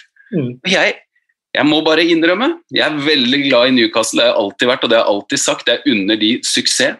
Men da Endre Olav, da var jeg rasende altså, når jeg satt og så på dem på slutten her. At de ikke prøvde mer på å vinne den kampen. Ja, men det er jo mm, Da kan vi jo tenke på hvordan Newcastle-supportere har det. da. Ja. Uh, og hvorfor det er så mange som er frustrerte. Uh, og når du sier at de er heldige som klarer ett poeng mot Fulham VM, så er det jo sånn. Og de parkerte jo bussen mot West Brom, og, mm, men de plukker opp litt poeng her og litt der. Og Det ordner seg til slutt. Ja, det ordner seg til slutt. De er jo ofte heldige når de tar uh, poeng. Det er noe sjarmerende over det hele, og absolutt. Og Det er jo en litt alvorlig situasjon i Newcastle også nå, det med, med covid-19-utbruddet der. Ja. hvor man ikke helt fikk klarhet i hvem det var som var ramma. Det var et stort utbrudd, kamp eh, utsatt og sånt. Og så, så har de vel tatt bladet fra munnen og, og sagt at uh, Jamal Lascelles, som er uh, viktig, og uh, San Maximin, som også er eh, veldig viktig dersom de overhodet skal, skal skape noe moro framover, har sånn så, er såpass syke at de, de blir slitne av å gå seg en tur, liksom. Eh, vært eh, litt inne på dette her i, i Premier League-studio, sånn så vidt det er, og snakka om eh, potensielle etterdønninger av denne sykdommen. Da, og, og det frykter jeg kan bli eh, noe vi må snakke om i årene som kommer. At, eh, at dette her rett og slett har kosta mye fysisk for de spillerne som hastes inn i aksjon igjen fra en sykdom som man ikke helt veit hva er. og Vi er forskjellig skrudd sammen eh, alle sammen, og noen har jo at det ligger eh, Jeg kjenner mange som har fått altså utvikla idrettsastma da, eller noe lignende, eh, bare, bare uten at de har vært syke. Men hva hvis man har noe sånt og så får denne sykdommen? Eh, Hvor mye kan det ha å si for, eh, for maskineriet ditt i resten av karrieren? Jeg synes det er litt ekkelt å tenke på faktisk, eh, at businessen har blitt sånn at eh, negativ test, ok, da snakker vi, here we go. Da er det bare å hive seg inn i trening og kamp igjen med en gang. Eh, det er ikke uproblematisk i det hele tatt. Nei, det er ikke det. Så, men samtidig så får man stole på i hvert fall Disse spillerne her da, har jo mye selvfølgelig tettere og bedre oppfølging eh, som medisinsk enn oss andre, så at de, de får, eh, får oppfølging. Men eh, det er ekkelt ja, når du hører at det er etterdønninger, og det er ikke bare å få en negativ test og så kaste seg utpå igjen. Men og, så, og som du også sier, det rammer jo Newcastle hardt, rent sånn sportslig med nettopp de to, da, som er veldig viktige. Uh, og Uten Callum Wilson så hadde ikke Newcastle vært så høyt på tabellen. Åtte mål på tolv kamper, det er, uh, det er mektig imponerende. Og det var jo litt sånn, uh, det var, det var veldig negativ stemning før sesongstart. og Så henta man Wilson, Jamal Lewis og Frazier i løpet av kort tid, og det ble litt, litt mer jubalong. og Det viser seg at i hvert fall Wilson-signeringen den har vært, vært helt avgjørende. for De har åtte poeng ned til streken, og rekka de tre neste nå City borte, Liverpool hjemme, Leicester hjemme. De, de trenger den, den, den luka der. altså. Ja, de, de trenger Callum Wilson. Eh, eh, diskuterte her en eller annen som spurte hvem ville du hatt på laget av Bamford og Wilson. Tenker jeg, jeg ville hatt Wilson. Tenk, tenk hvis, for de er liksom litt sånn i, i samme kategori. sånn, ja, ok, Brukbare Premier League-spillere, liksom. Men tenk hvis Callum Wilson hadde spilt for Leeds med den offensive fotballen der, fått alle de mulighetene som Patrick Bamford, som har blitt en brukbar, bra spiss, hadde fått.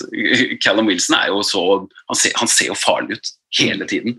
Så kan det jo øh, være lettere å mobilisere, gjøre seg klar for sjanser når man får få av dem. da. At man øh, som Bamford nå dukker opp en sjanse igjen, hva skal jeg gjøre? Det blir sånn stressende. Men, øh, men Callum Wilson er jo en, det er jo en kjempesignering. Helt avgjørende for at Newcastle skal, skal At det ser ganske trygt ut for dem. Ja, og de, eh, de åtte skåringene det er ikke, Nå har ikke jeg det, det tallet foran meg, men det er ikke mange avslutninger han har uh, gjort de åtte målene på. Det er, uh, det er nesten åtte, da. Så vi får sjekke opp det til en, uh, til en annen gang, men han er veldig, veldig effektiv. 13 poeng, eller 13.-plass og også 18 poeng. Crystal Palace uh, fikk et meget strengt rødt kort uh, på Benteke mot Westham i 1-1-kampen der for uh, to aksjoner som var kliss like. Ingen av dem var fare eller alle, Det var ikke noe, altså, noe slag med albue, så uheldig der, Benteke. og det er jeg føler jo med Benteke endelig nå så, så, så svinger igjen, og så, så, er han rett og slett uheldig som, som, blir utvist og må stå over mot Liverpool. Det var kanskje like greit, sånn som den kampen. Ja, hadde kanskje ikke gjort den store forskjellen? Ja, veit ikke. Jeg veit ikke. jeg tror, nei, nå skal aldri si aldri, men jeg tror ikke det. Men et par nedturer etter en meget solid 5-1-seier borte mot West Brom. Første gang i historien de slapp inn sju mål hjemme. Men når Roy Hodgson er ved roret, så, så er Crystal Palace der vi forventer at de er.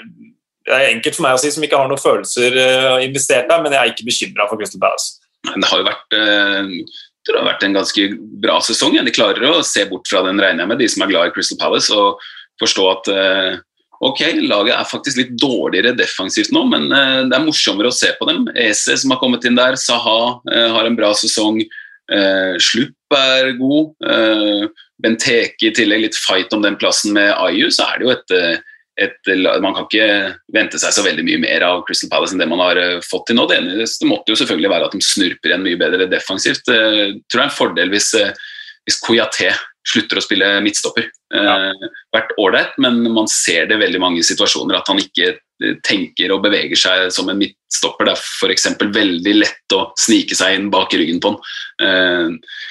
hvis han fortsetter å spille der, så tror jeg de fleste managerne kommer til å sånn som Burnley gjorde i den kampen. De bare det var helt konsekvent slo ballen mot det rommet bak Koyate, eh, som ikke mm. er midtstopper, egentlig. Så er det Leeds. Vi har snakka litt om dem i forbindelse med eh, kampen mot Manchester eh, United. Eh, det er Leeds på godt og vondt da i, i begge kampene siden sist vi prata sammen. Først 5-2 mot Newcastle, hvor de slapp inn et nytt mål på dødball. Kampen mot Manchester United er vel stort sett dekka, men litt bekymringsverdig. Ikke bare litt, kanskje, at Liam Cooper må ut med skade. Det begynner å bli tynt i de bakre rekker der. Koch, Koch og Jorente allerede ute. Men den skåringen til Rodrigo mot Newcastle, husker dere den? Skal jeg prøve å beskrive? Go. Du må jo beskrive. Ja, Da er det Jack Harrison ute ved hjørneflagget. En, altså, han skyter et, et halvvolleyinnlegg. Altså, han klinker til, og så kommer Rodrigo løpende inn i 16 og styrer den inn i hjørnet. Litt, ja, fryktelig dårlig forklart, men uh, syns det var kjempegodt. Ja. Kanskje vi skal bare la den ligge? det er et veldig fint mål. da, Dere kan søke den på YouTube, de som, de, de som ikke kan, kan ha mistet noen lyttere der, uh, Ven. Men, uh, bra du jobber på TV og ikke i radio. Ja, ja jeg tror det er like greit. Altså. Ja. Gøyalt lag, da. Veldig gøyalt. Ja, gøyalt lag. Det er jo publikumsvennlig med sju skåringer og åtte baklengs på to kamper. Så syns jeg Trevor Morley sa det veldig bra i, i studio, at de blir, de blir, rett og slett for slitne uh, mot Manchester mm. United. De, uh, Bielsa kjører ute på nesten samme gjeng, er det vel, også, som fra sist. Uh, mens Manchester United bytter mer, har mer fresh legs utpå der og blir Så de har ikke det trøkket, selv om de fortsatt løper masse, eh, så, så er de, de er litt slitne. Da. Og det er jo det som er liksom greia da, til, eh, til Leeds, til disse Bielsa-lagene, at de man kan se at de blir, eh, de blir kjørt, og nå nærmer vi oss jul, og det var vel et det var jo et ganske sånn klart signal på at de, de er litt kjørt. Det, det, vil jo, det, vil jo, være rart hvis de ikke hvis, altså, Det er tendensen med Bielsas lag i en vanlig sesong, og med ganske ofte i hvert fall lag som er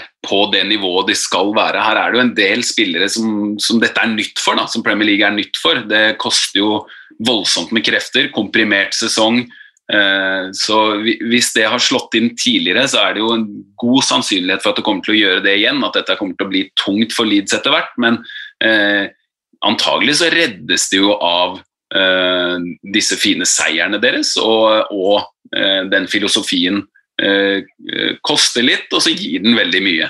Og det der med underholdningsbransjen syns jeg også er en innmari viktig del av det. Man, eh, man, ser jo på fotball eh, for en grunn, liksom. Det er jo for å eh, hadde, hadde, Leeds hatt en grå, kjedelig manager, så er det ikke sikkert at jeg hadde giddet å sett på de hver gang, men nå, nå huker jeg jo av de når jeg ser en serierunde. Når spiller Leeds? tenker Jeg jeg har lyst til å se Leeds hver eneste gang. og det, det jeg mener det er en stor verdi i det også. Da. Og når de faktisk har 17 poeng på 14 kamper, så, så ligger de jo godt an. Mm. Ja, Bielsa sa vel at vi kommer ikke til å legge om spillestilen. akkurat Det kom ikke som noe sjokk at han bare bekrefta at de kom til å ture på videre. Et lag som vi helt sikkert kunne lage med en helt egen uh, pod om, for nå er vi nede på 15.-plass på tabellen. De har spilt uh, eh, 14 kamper, de har 14 poeng, og det er altså Arsenal. De har seks strake uten seier, og da fikk jeg et uh, spørsmål her fra Jonas L. Lundsvold. Hva er rekorden for kamper på rad uten seier i PL? Begynner Arsenal å nærme seg den? Nei, det gjør de ikke. Virkelig ikke. Fordi uh, rekorden er på 32. Den er satt av Derby i 2008. Uh, og as we speak så har Sheffield United 17 strake, så um, dere er langt unna den rekorden, Arsenal. men hva skal, man, hva, skal vi, hva skal, vi, si? Altså, Arteta mente de har dominert de siste kampene. Hvis han snakker om Southampton-kampen, så, så, kan han ikke ha sett den samme kampen som meg, i hvert fall. Men, men ja, hvor skal vi uh, begynne hvis vi skal prøve å holde dette her litt kort? Det er kort. Ja, ja. ja jeg, jeg, tror uh, vi kan fokusere på det som, det som skal komme. og fordi har, Det har vært snakka veldig mye om, om, hva Arsenal ikke får til, men nå må de jo, må de jo faktisk tenke på å forsterke seg. Eh, for det er jo helt åpenbart at eh, det laget her er jo ikke godt nok til å levere sånn som Arsenal skal. Og hvis de skal nærme seg det Det er et vanskelig år, en vanskelig sesong å, å finne spillere som kan gå inn og være liksom med en gang eh, gjøre en forskjell med en gang. Ja. men når man nærmer seg et overgangsvindu, så vil jeg tro, for mitt inntrykk er at Arteta sitter trygt. Han Eh, han, han, er nok ikke fornøyd, og det er godt mulig at det er mange som ikke er fornøyd med han heller, men eh, jeg tror ikke Arsenal har lyst til å sparke en trener igjen. Eh, han er en som, som er godt likt, tror jeg, oppover i systemet. Men nå er jo rett og slett spørsmålet hvem og hvordan kan Arsenal forsterkes? Hvem skal hentes inn? Posisjoner som må dekkes, trenger vel antagelig å få ut spillere også. Så her er det jo mange spillere som, som, ikke er med, som er en del av Arsenal, som er i kulissene, tjener store penger, men som ikke er med. De har en altfor stor stall. Må kvitt, klarer de å lesse av noen, og vil det gjøre at de får midler til å hente inn noen i januar? For her trengs det noe. Akkurat hvem det er, syns jeg er vanskelig å si på stående fot, men jeg tenker at de trenger i hvert fall en kreativ spiller som, som skaper ting i hver bidige kamp. Og eh, jeg tror også de trenger en bedre midtstopper, i den grad det er mulig å finne det. Sånn som eh, Leicester virker som at de klarer å finne det hver gang de mister en midtstopper. Så klarer de å finne en eller annen, eller de har en som venter, som bare kan komme inn og spille bra. Eh, men hos Arsenal så tenker jeg at de må ha kreativitet og være enda mer kvalitet i eh, forsvaret. Altså, De er fire poeng over streken og kan de rykke ned? Um, jeg, tror ikke, jeg, tror ikke, de kan rykke ned, og det baserer jeg på at uh, det er nok lag bak der som er mye dårligere, og at Arsenal nå er, har truffet bånd. Um, um, så jeg, jeg, jeg har veldig veldig vanskelig å se for meg at både West Bromwich, Fulham, Sheffield United At alle de tre lagene, altså ta med Brighton og Burnley, da, det er lag foran Arsenal på tabellen, Newcastle, Wolverhampton altså Jeg tror de kommer til å være foran alle de lagene jeg har nevnt nå. Uh, så jeg Nei, nei. nei jeg, jeg skjønner spørsmålet, men det ville vært det største sjokket for meg etter Leicester-mesterskapet i 2016, dersom Arsenal vinner eh, ligaen. Nei, vi rykker ned. De er, for, de er, for, bra for det, men det er spillere der som må rett og slett opp, da, også i enkeltprestasjonene sine. William f.eks. må forsvare det spillekjøpet der til eh, Arteta. og Ceballos må Han har skuffa meg litt, for han kunne vært den kreative, den kreative spilleren, men, men han, han, er ikke, han, er jo ikke, det. Nei, hvor skal man starte? Det blir jo mye å ta tak i, det. Mm. Arsenal må i hvert fall starte i romjula. Det starter tøft. Chelsea borte, og så kommer Brighton og West Bromwich i de to neste. Så jeg tenker i hvert fall at de må ha i hvert fall seks poeng fra de tre kampene der. Og det bør de klare. De bør klare, de bør klare å ta de, de, to siste, men eh, plutselig så Arsenal slo Manchester United borte. Det er sånn uh, Chelsea, det, det høres uh, voldsomt ut, men uh, i og med at de har truffet bånd, så tenker jeg ja, ok, greit. Hvorfor ikke bare få en kanon? Altså for, da, det er gratis motivasjon i den kampen. De, de kan i hvert fall ikke være på noe annet enn 100 Burnley de uh, starta etter lockdown med 0-5 mot Manchester City. Da gikk de sju strake kamper etterpå uten å tape. Nå denne sesongen her 0-5 mot Manchester City, og så har de nå de fire strake uten tap igjen. Så det virker som at det å reise til Etiad og få juling, det er uh, medisinen det for Burnley til å, å heve seg. 0-0 mot uh, Villa, 2-1 mot, uh, mot Wolverhampton. og Vi var litt inne på Nuno Spirito Santo hans uh, kommentar om Lee Mason i den kampen der, og jeg må bare få ta med Sean Dyche her også, for han fikk spørsmål. Uh, var det noe som kunne vært bedre? Ja, Hvis jeg er hyperkritisk, så kunne vi avgjort kampen tidligere på 2-0. gjort det 0 For vi gir dem en sjanse med straffesparket. Og så kommer det. Her klarer altså Sean Dyche på sin magiske måte å lure inn litt dommerkritikk igjen.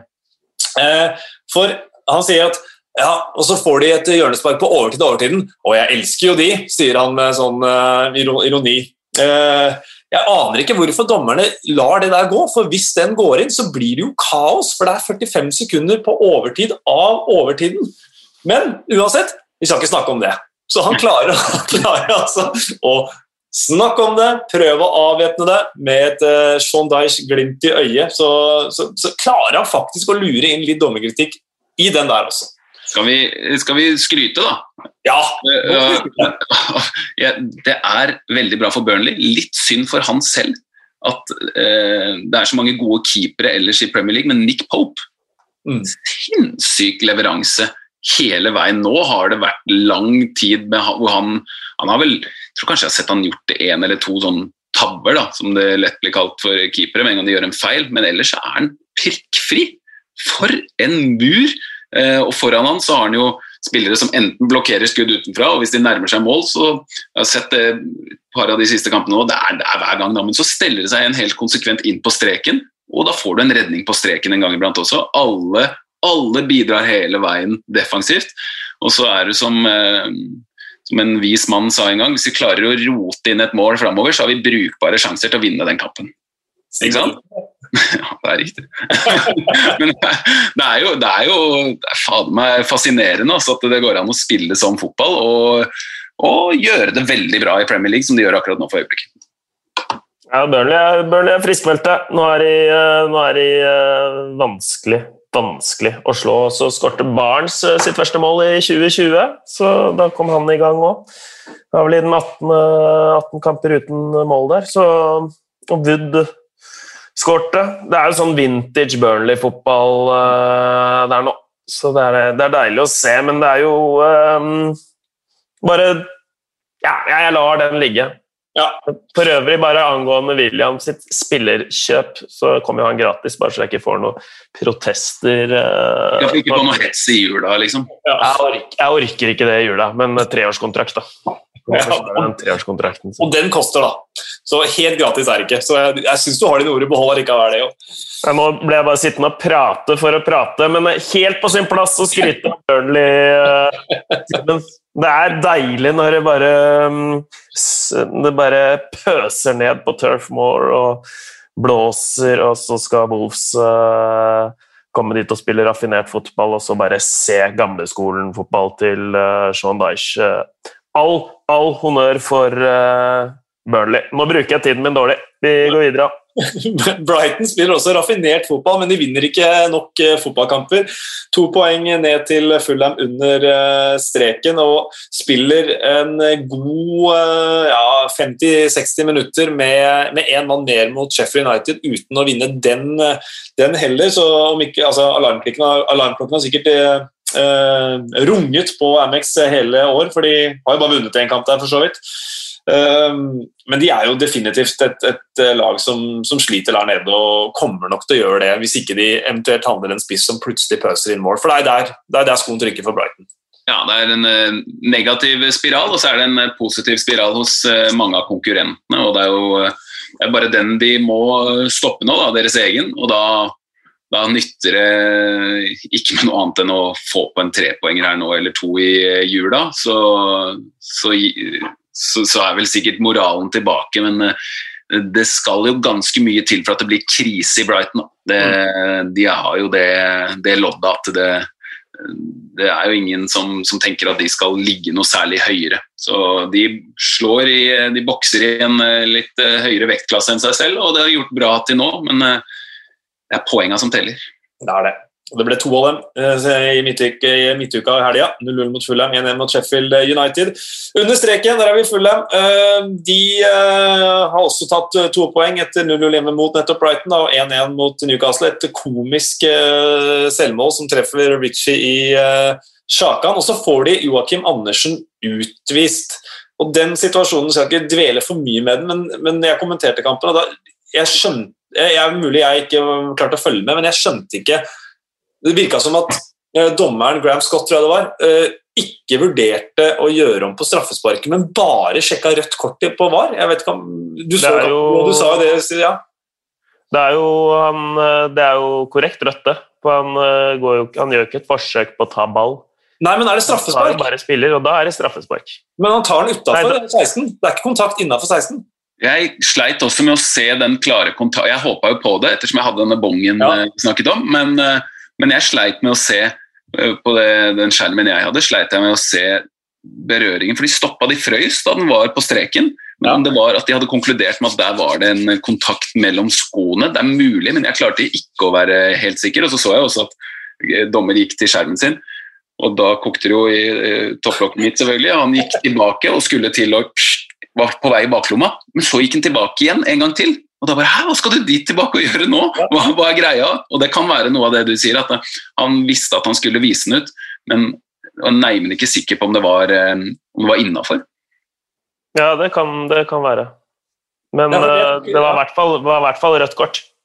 Ja, for kontakt er det, og han, prøver, han tar jo ikke ballen, og alt mulig sånt, men eh, ja, det er for så vidt vann under brua, det. Men Parker var selvfølgelig skuffa etterpå, men uh, vi, Fulham de tar jo som Brighton ikke nok trepoengere, men uh, får i hvert fall med seg ett uh, poeng der under streken. Og under streken så har vi også West Bromwich, Big Sam Allardyce tilbake. Uh, han gjorde ingen endringer på laget i sin første kamp. Kjørte akkurat de samme elleve som Slaven Bielers i den siste. Og så hjelper det ikke at Jake Livermore mister huet tidlig i kampen, så da er jo den kampen fort kjørt. Jeg lurer på hva de forventer, styret i West Bromwich av Sam Allardyce. For når han kommer inn, han er jo ikke en som går stille i dørene, og han kommer til å kreve noe, noe kjøp. Og det har ikke akkurat vært kjøpefest der. og Slaven Bilic, det laget han tok opp, er et championship-lag, virkelig. og det er ikke noe automatikk i at det bare skal fungere fordi Allardyce kommer inn. Så Der er det også kjempeinteressant å se om de, om de har midler, det er jeg ikke sikker på. Om de vil bruke penger, og om han klarer å finne de spillerne som skal til. Som han har gjort noen ganger før, da, når han har hatt sånne redningsoppdrag. Så har han også kjøpt spillere som som har gått rett inn på laget, forsterka og holdt plassen så vidt. Eh, vanskelig for å se at, eh, at, det kommer en sånn umiddelbar fiks der, selv om Alardis er inne. Ja, han redda jo Sunderland, han redda Palace, han redda Everton. Uh, EO, tror du han redder uh, West Brom? Nei, jeg følte liksom Bilic hadde noe på gang, jeg, da. Mm. Jeg klarte 1-1 mot City og Følte liksom det var litt sånn positiv uh, pos At de var på oppkonjunktur. Men uh, han er jo Jeg har ikke så mye troa på det, nei. Nei. Jeg tror styret, uten at jeg har noen annet enn bare synsing, jeg syns det var kanskje litt tungt at de tok det poenget mot Manchester City. for Jeg tror den avgjørelsen var tatt før den matchen om at Bilic skulle ut. Mm. Forventa kanskje å bli slakta der, og da passa det å, sende Bilic på dør. Men det ser tungt ut for eh, West Brom, har fem eh, poeng opp. og Helt nederst der finner vi uh, Sheffield United. og um, I forbindelse med at Sheffield United møtte Manchester United, så var, hadde vår profil flytta seg fra Manchester til Sheffield. Per Atle Karlsen og hans etter hvert nære forhold til Chris Wilder skal vi høre litt om her. Så er det jo klippet, Per Atle, som har gått sin seiersgang på, på TV 2-sportens Instagram. Ditt digitale møte med Chris Wilder, hvor du kom til skade for å si Sheffield og ikke Sheffield United. Uh, Sheffield United, pæ! Sheffield United. Hvordan var reaksjonen din da Chris Wilder uh, irettesatte deg her? Nei, altså for det, for det første så må jeg bare si at eh, Chris Wilder er en helt nydelig type, helt nydelig manager. Han er jo virkelig av, av den gamle skolen da, eh, hva gjelder manerer og, og, måte å være på. Eh, men, men, tingen er jo, jeg satt jo, satt jo, på en pressekonferanse, det var jo før Sheffield Uniteds møte med Manchester United forrige uke. Um, og jeg skulle spørre noe om, uh, skulle spørre, spørre noe om uh, stille spørsmål fra den tida han sjøl spilte uh, for Sheffield United. Um, og da er det sånn at Jeg er ganske fokusert når jeg stiller spørsmålene mine, egentlig mest for at jeg fokuserer på grammatikken. For at jeg er ikke, jeg, er ikke verdensmester i engelsk, og det har jeg aldri uttalt at jeg har vært ellers. Jeg bruker på en måte å, eller jeg prøver da, å være så nøye jeg kan når jeg, når jeg stiller spørsmålet. og så hører jeg jo plutselig Sheffield United P, og, men greia at jeg får ikke ordentlig med meg, så jeg klarer jo bare å, å lire ut på pur trønder, så blir det bare hæ?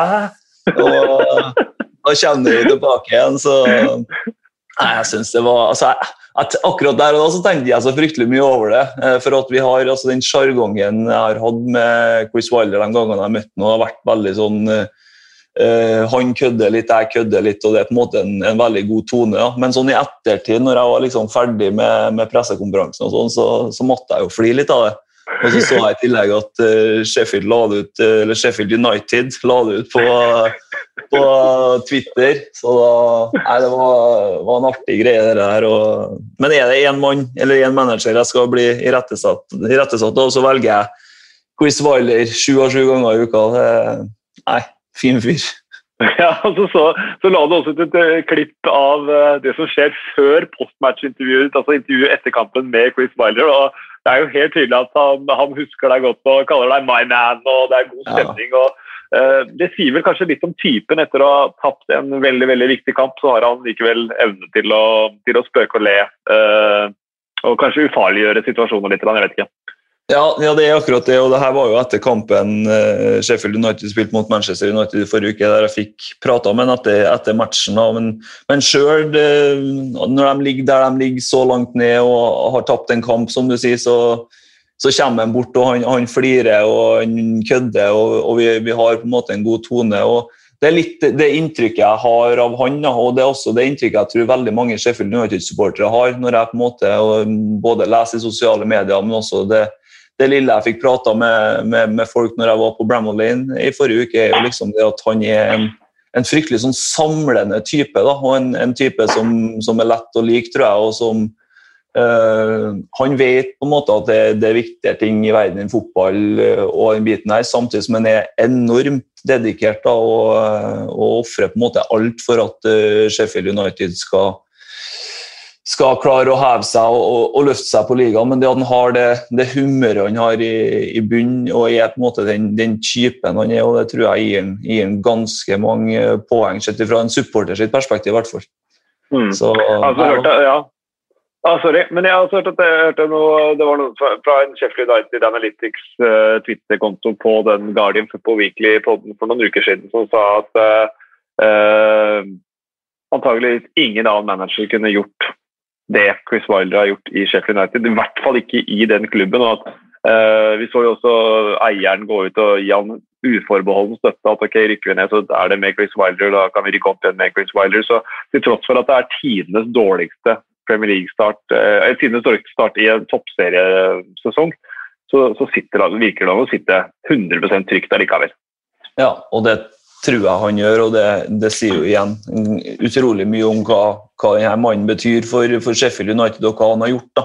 Han har jo hatt en lang spillerkarriere der. han har og så, må vi huske på at, uh, at Sheffield United er ikke, noe, er ikke et lag som har vært et stabilt Premier League-lag de siste sesongene. Altså Her snakker jeg om et lag som har vært eh, opp og ned og opp og ned i, i mange mange herrens år. Eh, og mm. Jeg tror vel de siden, siden 90-tallet så har de vært opp 10-11 ganger eh, i, i, Premier League. Eh, resten har de vært på, på lavere nivåer. så det det er, det, det er jo det, Chris Wilder sier. også Hans utfordring er jo å få Sheffield United til å bli et, måte et stabilt Premier League-lag. Ikke et topplag, men et lag som klarer å holde seg i Premier League over tid. Eh, og Det er jo der utfordringa til, til, han og Sheffield United ligger. og Så ble jo den dessverre litt vanskeligere nå med, med Sander, Berge, Sander Berge ut. og så får vi bare krysse fingrene for at, eh, for at han blir frisk kjapt, og at uh, Sheffield United klarer å komme seg litt ut av den sumpa de befinner seg i. Et siste spørsmål angående det. Ehm, hvordan, var, hvordan har Chris eh, Vi er på fornavn nå. Chris. Hvordan har Chris reagert, eller Mr. Wilder reagert på, på liksom at, den, at, den, historien fra 1990-1991-sesongen eh, dras opp? Er det Virker det som er noe han også har friskt i minnet? Det var det jeg spurte nå på den pressekonferansen da jeg sa Sheffield. Ja. Eh, ja. Så, men eh, han, han, prater jo om det, og han, han, sa jo til meg da at det her er jo på en måte noe han, Det er jo erfaring han har som en gjerne bruker nå, sånn som, sånn som ting er nå. Så, så, jeg tror på en måte at han Det er kanskje ikke at han har akkurat den 90-91-sesongen eh, i bakhodet hele tida, men jeg tror nok han er fullt klar over at så lenge tabellen ser ut som den ser ut, så er det fortsatt muligheter. For det er på en måte avstanden har ikke rukket å bli så vanvittig stor ennå at det er helt, eh, helt umulig. Så um, jeg, jeg, tror nok at han eh, innimellom kanskje tenker tilbake på den sesongen i, i 90-91, når de hadde eh, fire poeng to dager før jul og, og endte opp på 13.-plass. Men det viktigste jeg tror han tar med seg, er liksom den der eh, det der at man aldri skal gi opp, da, det er jo litt den arbeiderklassekaren han er. og sånt, En som alltid kjemper, en som alltid kriger. og Det, det tror jeg i hvert fall Sheffield United kommer til å gjøre til, til siste slutt. og, og Spør du meg personlig, så, så håper jeg de klarer, klarer å, å, å, holde seg unna Erik. Vet du om de har arrangert julefest? Nei, jeg har ikke fått en invitasjon ennå, så jeg regner med de ikke har gjort det.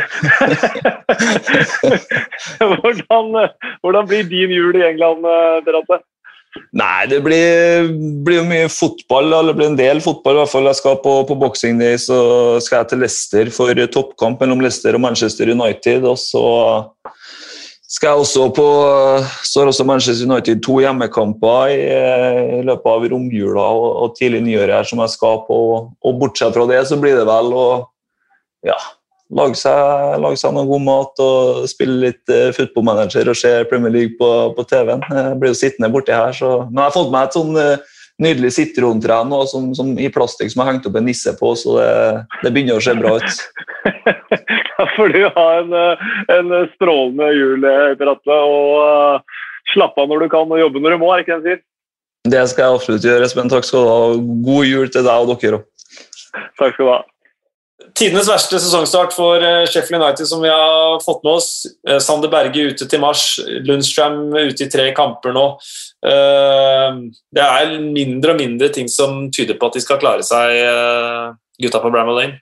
Det jeg likte veldig godt, hvis vi går bort fra om de klarer seg eller ikke, var den derre statement fra han eieren Eh, om, om, Chris Wilder eh, skulle få lov til å bli eller ikke, så var det liksom Nei, da får han heller være den som tar oss opp igjen. Eh, det syns jeg det var, det var, noe sånn menneskelig og fint med det oppi all pengegaloppen og kjøret. og eh, Det er ofte en god idé å kvitte seg med en trener og få inn noe nytt. og Det kan godt hende at det hadde vært noe her også, men eh, der er det også en pris man må betale i, i form av følelser. Og her har du en mann som, som vil det kanskje enda mer enn en de som spiller. Han, er, han elsker den klubben der, liksom, og kommer til å gjøre alt i sin makt for å fikse dette her. Eh, og han skal få lov til å bli. Jeg bare håper han holder ord, da. Eh, men det virka veldig sånn. Det var ikke en sånn derre 'vi har tillit til han'. Det var mer sånn svart på hvitt. Nei, glem det. Eh, ja. Da får han heller rykke ned og ta oss opp igjen. Eh, jeg ser jo ikke noen sånn veldig klare tegn til bedring. Det er jo bra innsats, og det står ikke på det, men eh, kvaliteten er eh, laber. Altså. Og Jeg liker jo han du liker også framme der, er jo McGoldrick. Han syns jeg er fin, men det er liksom Mm. eh, det, er, det er noe som er bra, eh, men McBernie og Brewster og er, det liksom, er det de som skal redde dem, så, så tror, jeg, tror jeg ikke det går. Altså. Men eh, ja, du skulle til å si noe sånt som nei. eh, Det skulle du ikke. Eh, Da kan vi bare ta en siste kurios på Oliver Burke, for han er nå fryktelig nære en rekord Gareth Bale har hengende over seg. Han har 23 kamper nå fra første Premier League-kamp uten seier. Må altså eh, slå Everton, Sheffield United eller Burnley med Burke på banen for at ikke han skal eh, tangere eller forverre den rekorden til eh, Han er veldig rask Da. Han løper. han er veldig Du rask. setter pris på det, gjør ikke det? Jo, at han løper bra. Jo, jeg skulle, jeg skulle, det var derfor jeg rakk opp hånda i stad, faktisk, før det kom med den statsen. Da skal jeg egentlig til å si at uh, For Simen sa han likte uh, McGoldrick, um, at jeg også liker uh, Burke. Men han, har, han løper knallhardt. Han ser vond ut å møte, skarp i kantene. Uh, så um, jeg Har han er litt feil på at han, hvis han får det til å løsne, så kan det, kan det bli uh, bra. Jeg syns han ser farlig ut. Jeg. Han har valgt feil idrett. Det er mulig. Det er mulig. Skulle vært sprinter, da. Vi kjører på kjapt med noen eh, faste spalter. Det var moro å se på. Morata var kjempegod. Hva i all verden? Det er lov å si hvor mye det provoserer meg. Han snakka ikke om seg sjæl, han snakka om dommeren. På eh, Kaktusen, eh, der skrev jeg vel når vi teasa episoden at eh, jeg syns Jake Livermore eh, ligger veldig godt an for den taklingen eh, mot eh, Jack Grealish. Skal ikke jeg bruke noe vetorett, men eh, jeg syns det er vanskelig å komme unna den. Altså. Det er eh, eh, forferdelig forsøk. Prøver ikke å ta ballen, sparker Grealish opp på leggen. Greit, Du, eller? du legger jo litt føringer uh, i tweeten når du skriver det i tweeten. Uh, det var liksom ikke lytterne som skal komme med innspill. Her har du Ikke denne gangen. Ikke, ikke denne gangen, så Det er syns heftig teknikk, da. Ja, det er det. Det er av verste sort. Eh, jeg skal bruke jula på å kvitte meg med det. Men, eh, sender den til Jack eh, Grealish. Eh, Nei. Nei, unnskyld. Nei, det er dårlig gjort. Det er fryktelig. Det er fryktelig. Han må få en blomst. Ja, han kan få en blomst, ja. Øyeblikket. Jon Magnus han skriver for neste på, det er bare å glemme fine mål og redninger. Rundens eh, høydepunkt, men vi kan si øydeblokk, ø- høyde, øyeblikk var eh, Kasper sitt comeback i kommentatorboksen. Eh, det føler jeg eh, det er helt uh, innafor å stille seg bak. Så det er helt enig med deg, Jon Magnus. For, eh, for oss så var det, og helt sikkert veldig mange av dere der ute, veldig, veldig veldig gledelig å ha, ha Kasper tilbake i, i Premier League. Eh, Blomsten, eh, Jens, han foreslår at Sheffield United skal få den fordi de trenger den mest. Jeg er helt enig. Treng, trenger de en blomst nå også? Nei, kanskje ikke. Nei, jeg vet ikke. Ellers er det, ellers er det Sadio Mané som eh, husket på å eh, feire til ære for eh, Lee, en, eh, en kamerat som hadde en hilsen til sin bestefar, og så lovet Sadio Mané å feire neste scoring med å kysse fingeren og peke mot himmelen, og det løftet holdt han. Så få inn til Sadio Mané i stedet. Synes den, ja, Det var rørende. Det var rørende. Ja. Ukjent helt. Jaden Bogle er naturligvis et godt forslag. Med, kommer inn og skårer sin Premier League-debut. Eh, nå i farta husker jeg ikke hvem som foreslo det, men eh, du som foreslo det, gratulerer. Ukas ukjente helt går til Jaden Bogle, så får Josh Brownhill vente en uke til før han eh, får den. Bill Edgar er neste på programmet. Arsenals syv siste. Aldri skjedd! Første gang siden er den sjette spilleren. Fun factsene til Bill Edgar. Ok, er dere klare, gutter, for uh, expected uh, wow? Yes! Wow. Yes. Er expected før jul. Hva har du i strømpa? Hva har Bill Edgar, statistikkmannen i The Times, i strømpa? Vi kan starte i championship med en sånn veldig Bill Edgar-kuriositet. Topp tre i championship det er divisjonen, divisjonens lag som ligger lengst øst, Norwich, lengst sør, Bournemouth, og lengst vest, Swansea. Så skal vi til Old Trafford. Scott McTominay ble den første til å skåre to ganger i de første tre minuttene for en ligaklubb, ligaklubb uansett turnering siden David Bamber for Blackpool mot Hull på nivå 3 i mars 1993. Tidspunkt for skåringer er ikke fullstendig i tidligere årtier, men sist det ble målt i toppdivisjonen, var Alec Ashworth for Everton mot Manchester City i april 1958. Litt langt og kronglete, litt lav expected wow på den, men allikevel en uh, fakta. Uh, sist onsdag forrige uke så fikk Sheffield United, Fulham Palace og Arsenal alle en mann utvist. Alle klarte 1-1. Det, uh, det, tror jeg til og med flere enn Bill Edgar kunne klart å finne. Uh, så kanskje litt kritikk til meg for å plukke med den. Men Liverpool er det første laget siden andre verdenskrig til å slippe inn syv mål i en kamp og skåre syv i en annen med kun ti kamper imellom innenfor en sesong. Og det er første gang siden 1948 at det blir 0-7 i en kamp i toppdivisjonen. Eh, så kommer svaret på det innledningsvis. Hodgson er den første til å tape med minst syv mål mot et lag han tidligere har ledet. Er det noe som kan tenke, kan, er dere forslag til hvem den forrige kan være? For det har skjedd før. Det er ikke så innmari lenge siden. Um, nei. nei. Eh, jeg visste det heller ikke før jeg leste det, men det er sikkert kanskje noen lyttere som har tenkt på det underveis. Det var Ron Atkinson ledet Nottingham Forest da Manchester United vant 8-1 i 1999. Mm. Når Solskjær skåra fire fra benken. Så Det blir godt med juleferie nå for eh, Bill Edgar, tror jeg. ja, det blir greit. Ja, ja. Og for noen og enhver, vil jeg si. Uh, syv spillere med målgivende pasning for uh, Liverpool mot Palace. Det er uh, to mer det enn Arsenal har i det hele tatt. Det er kun fem spillere som har en målgivende pasning for Arsenal.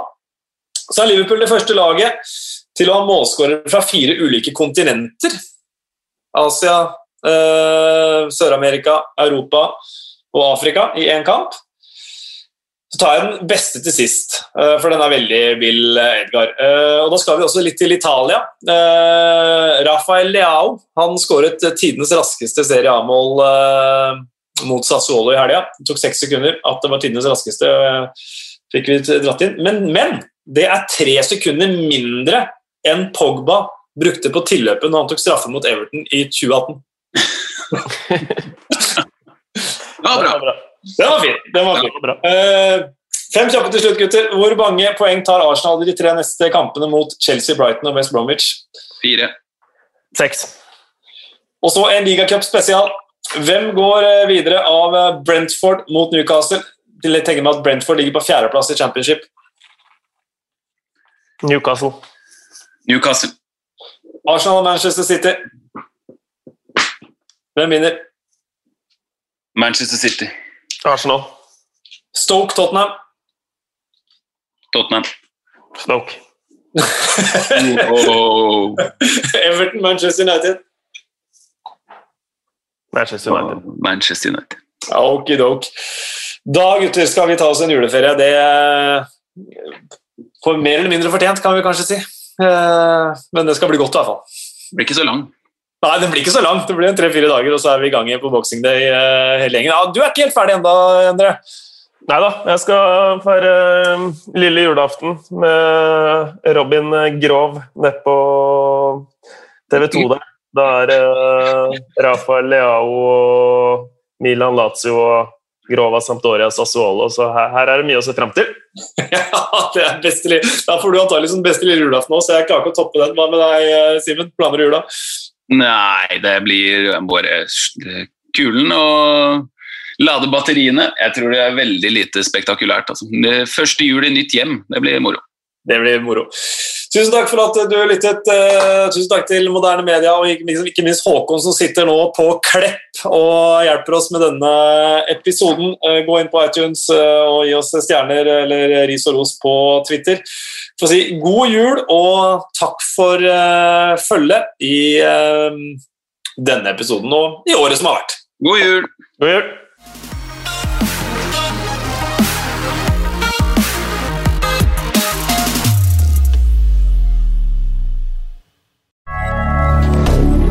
Moderne media.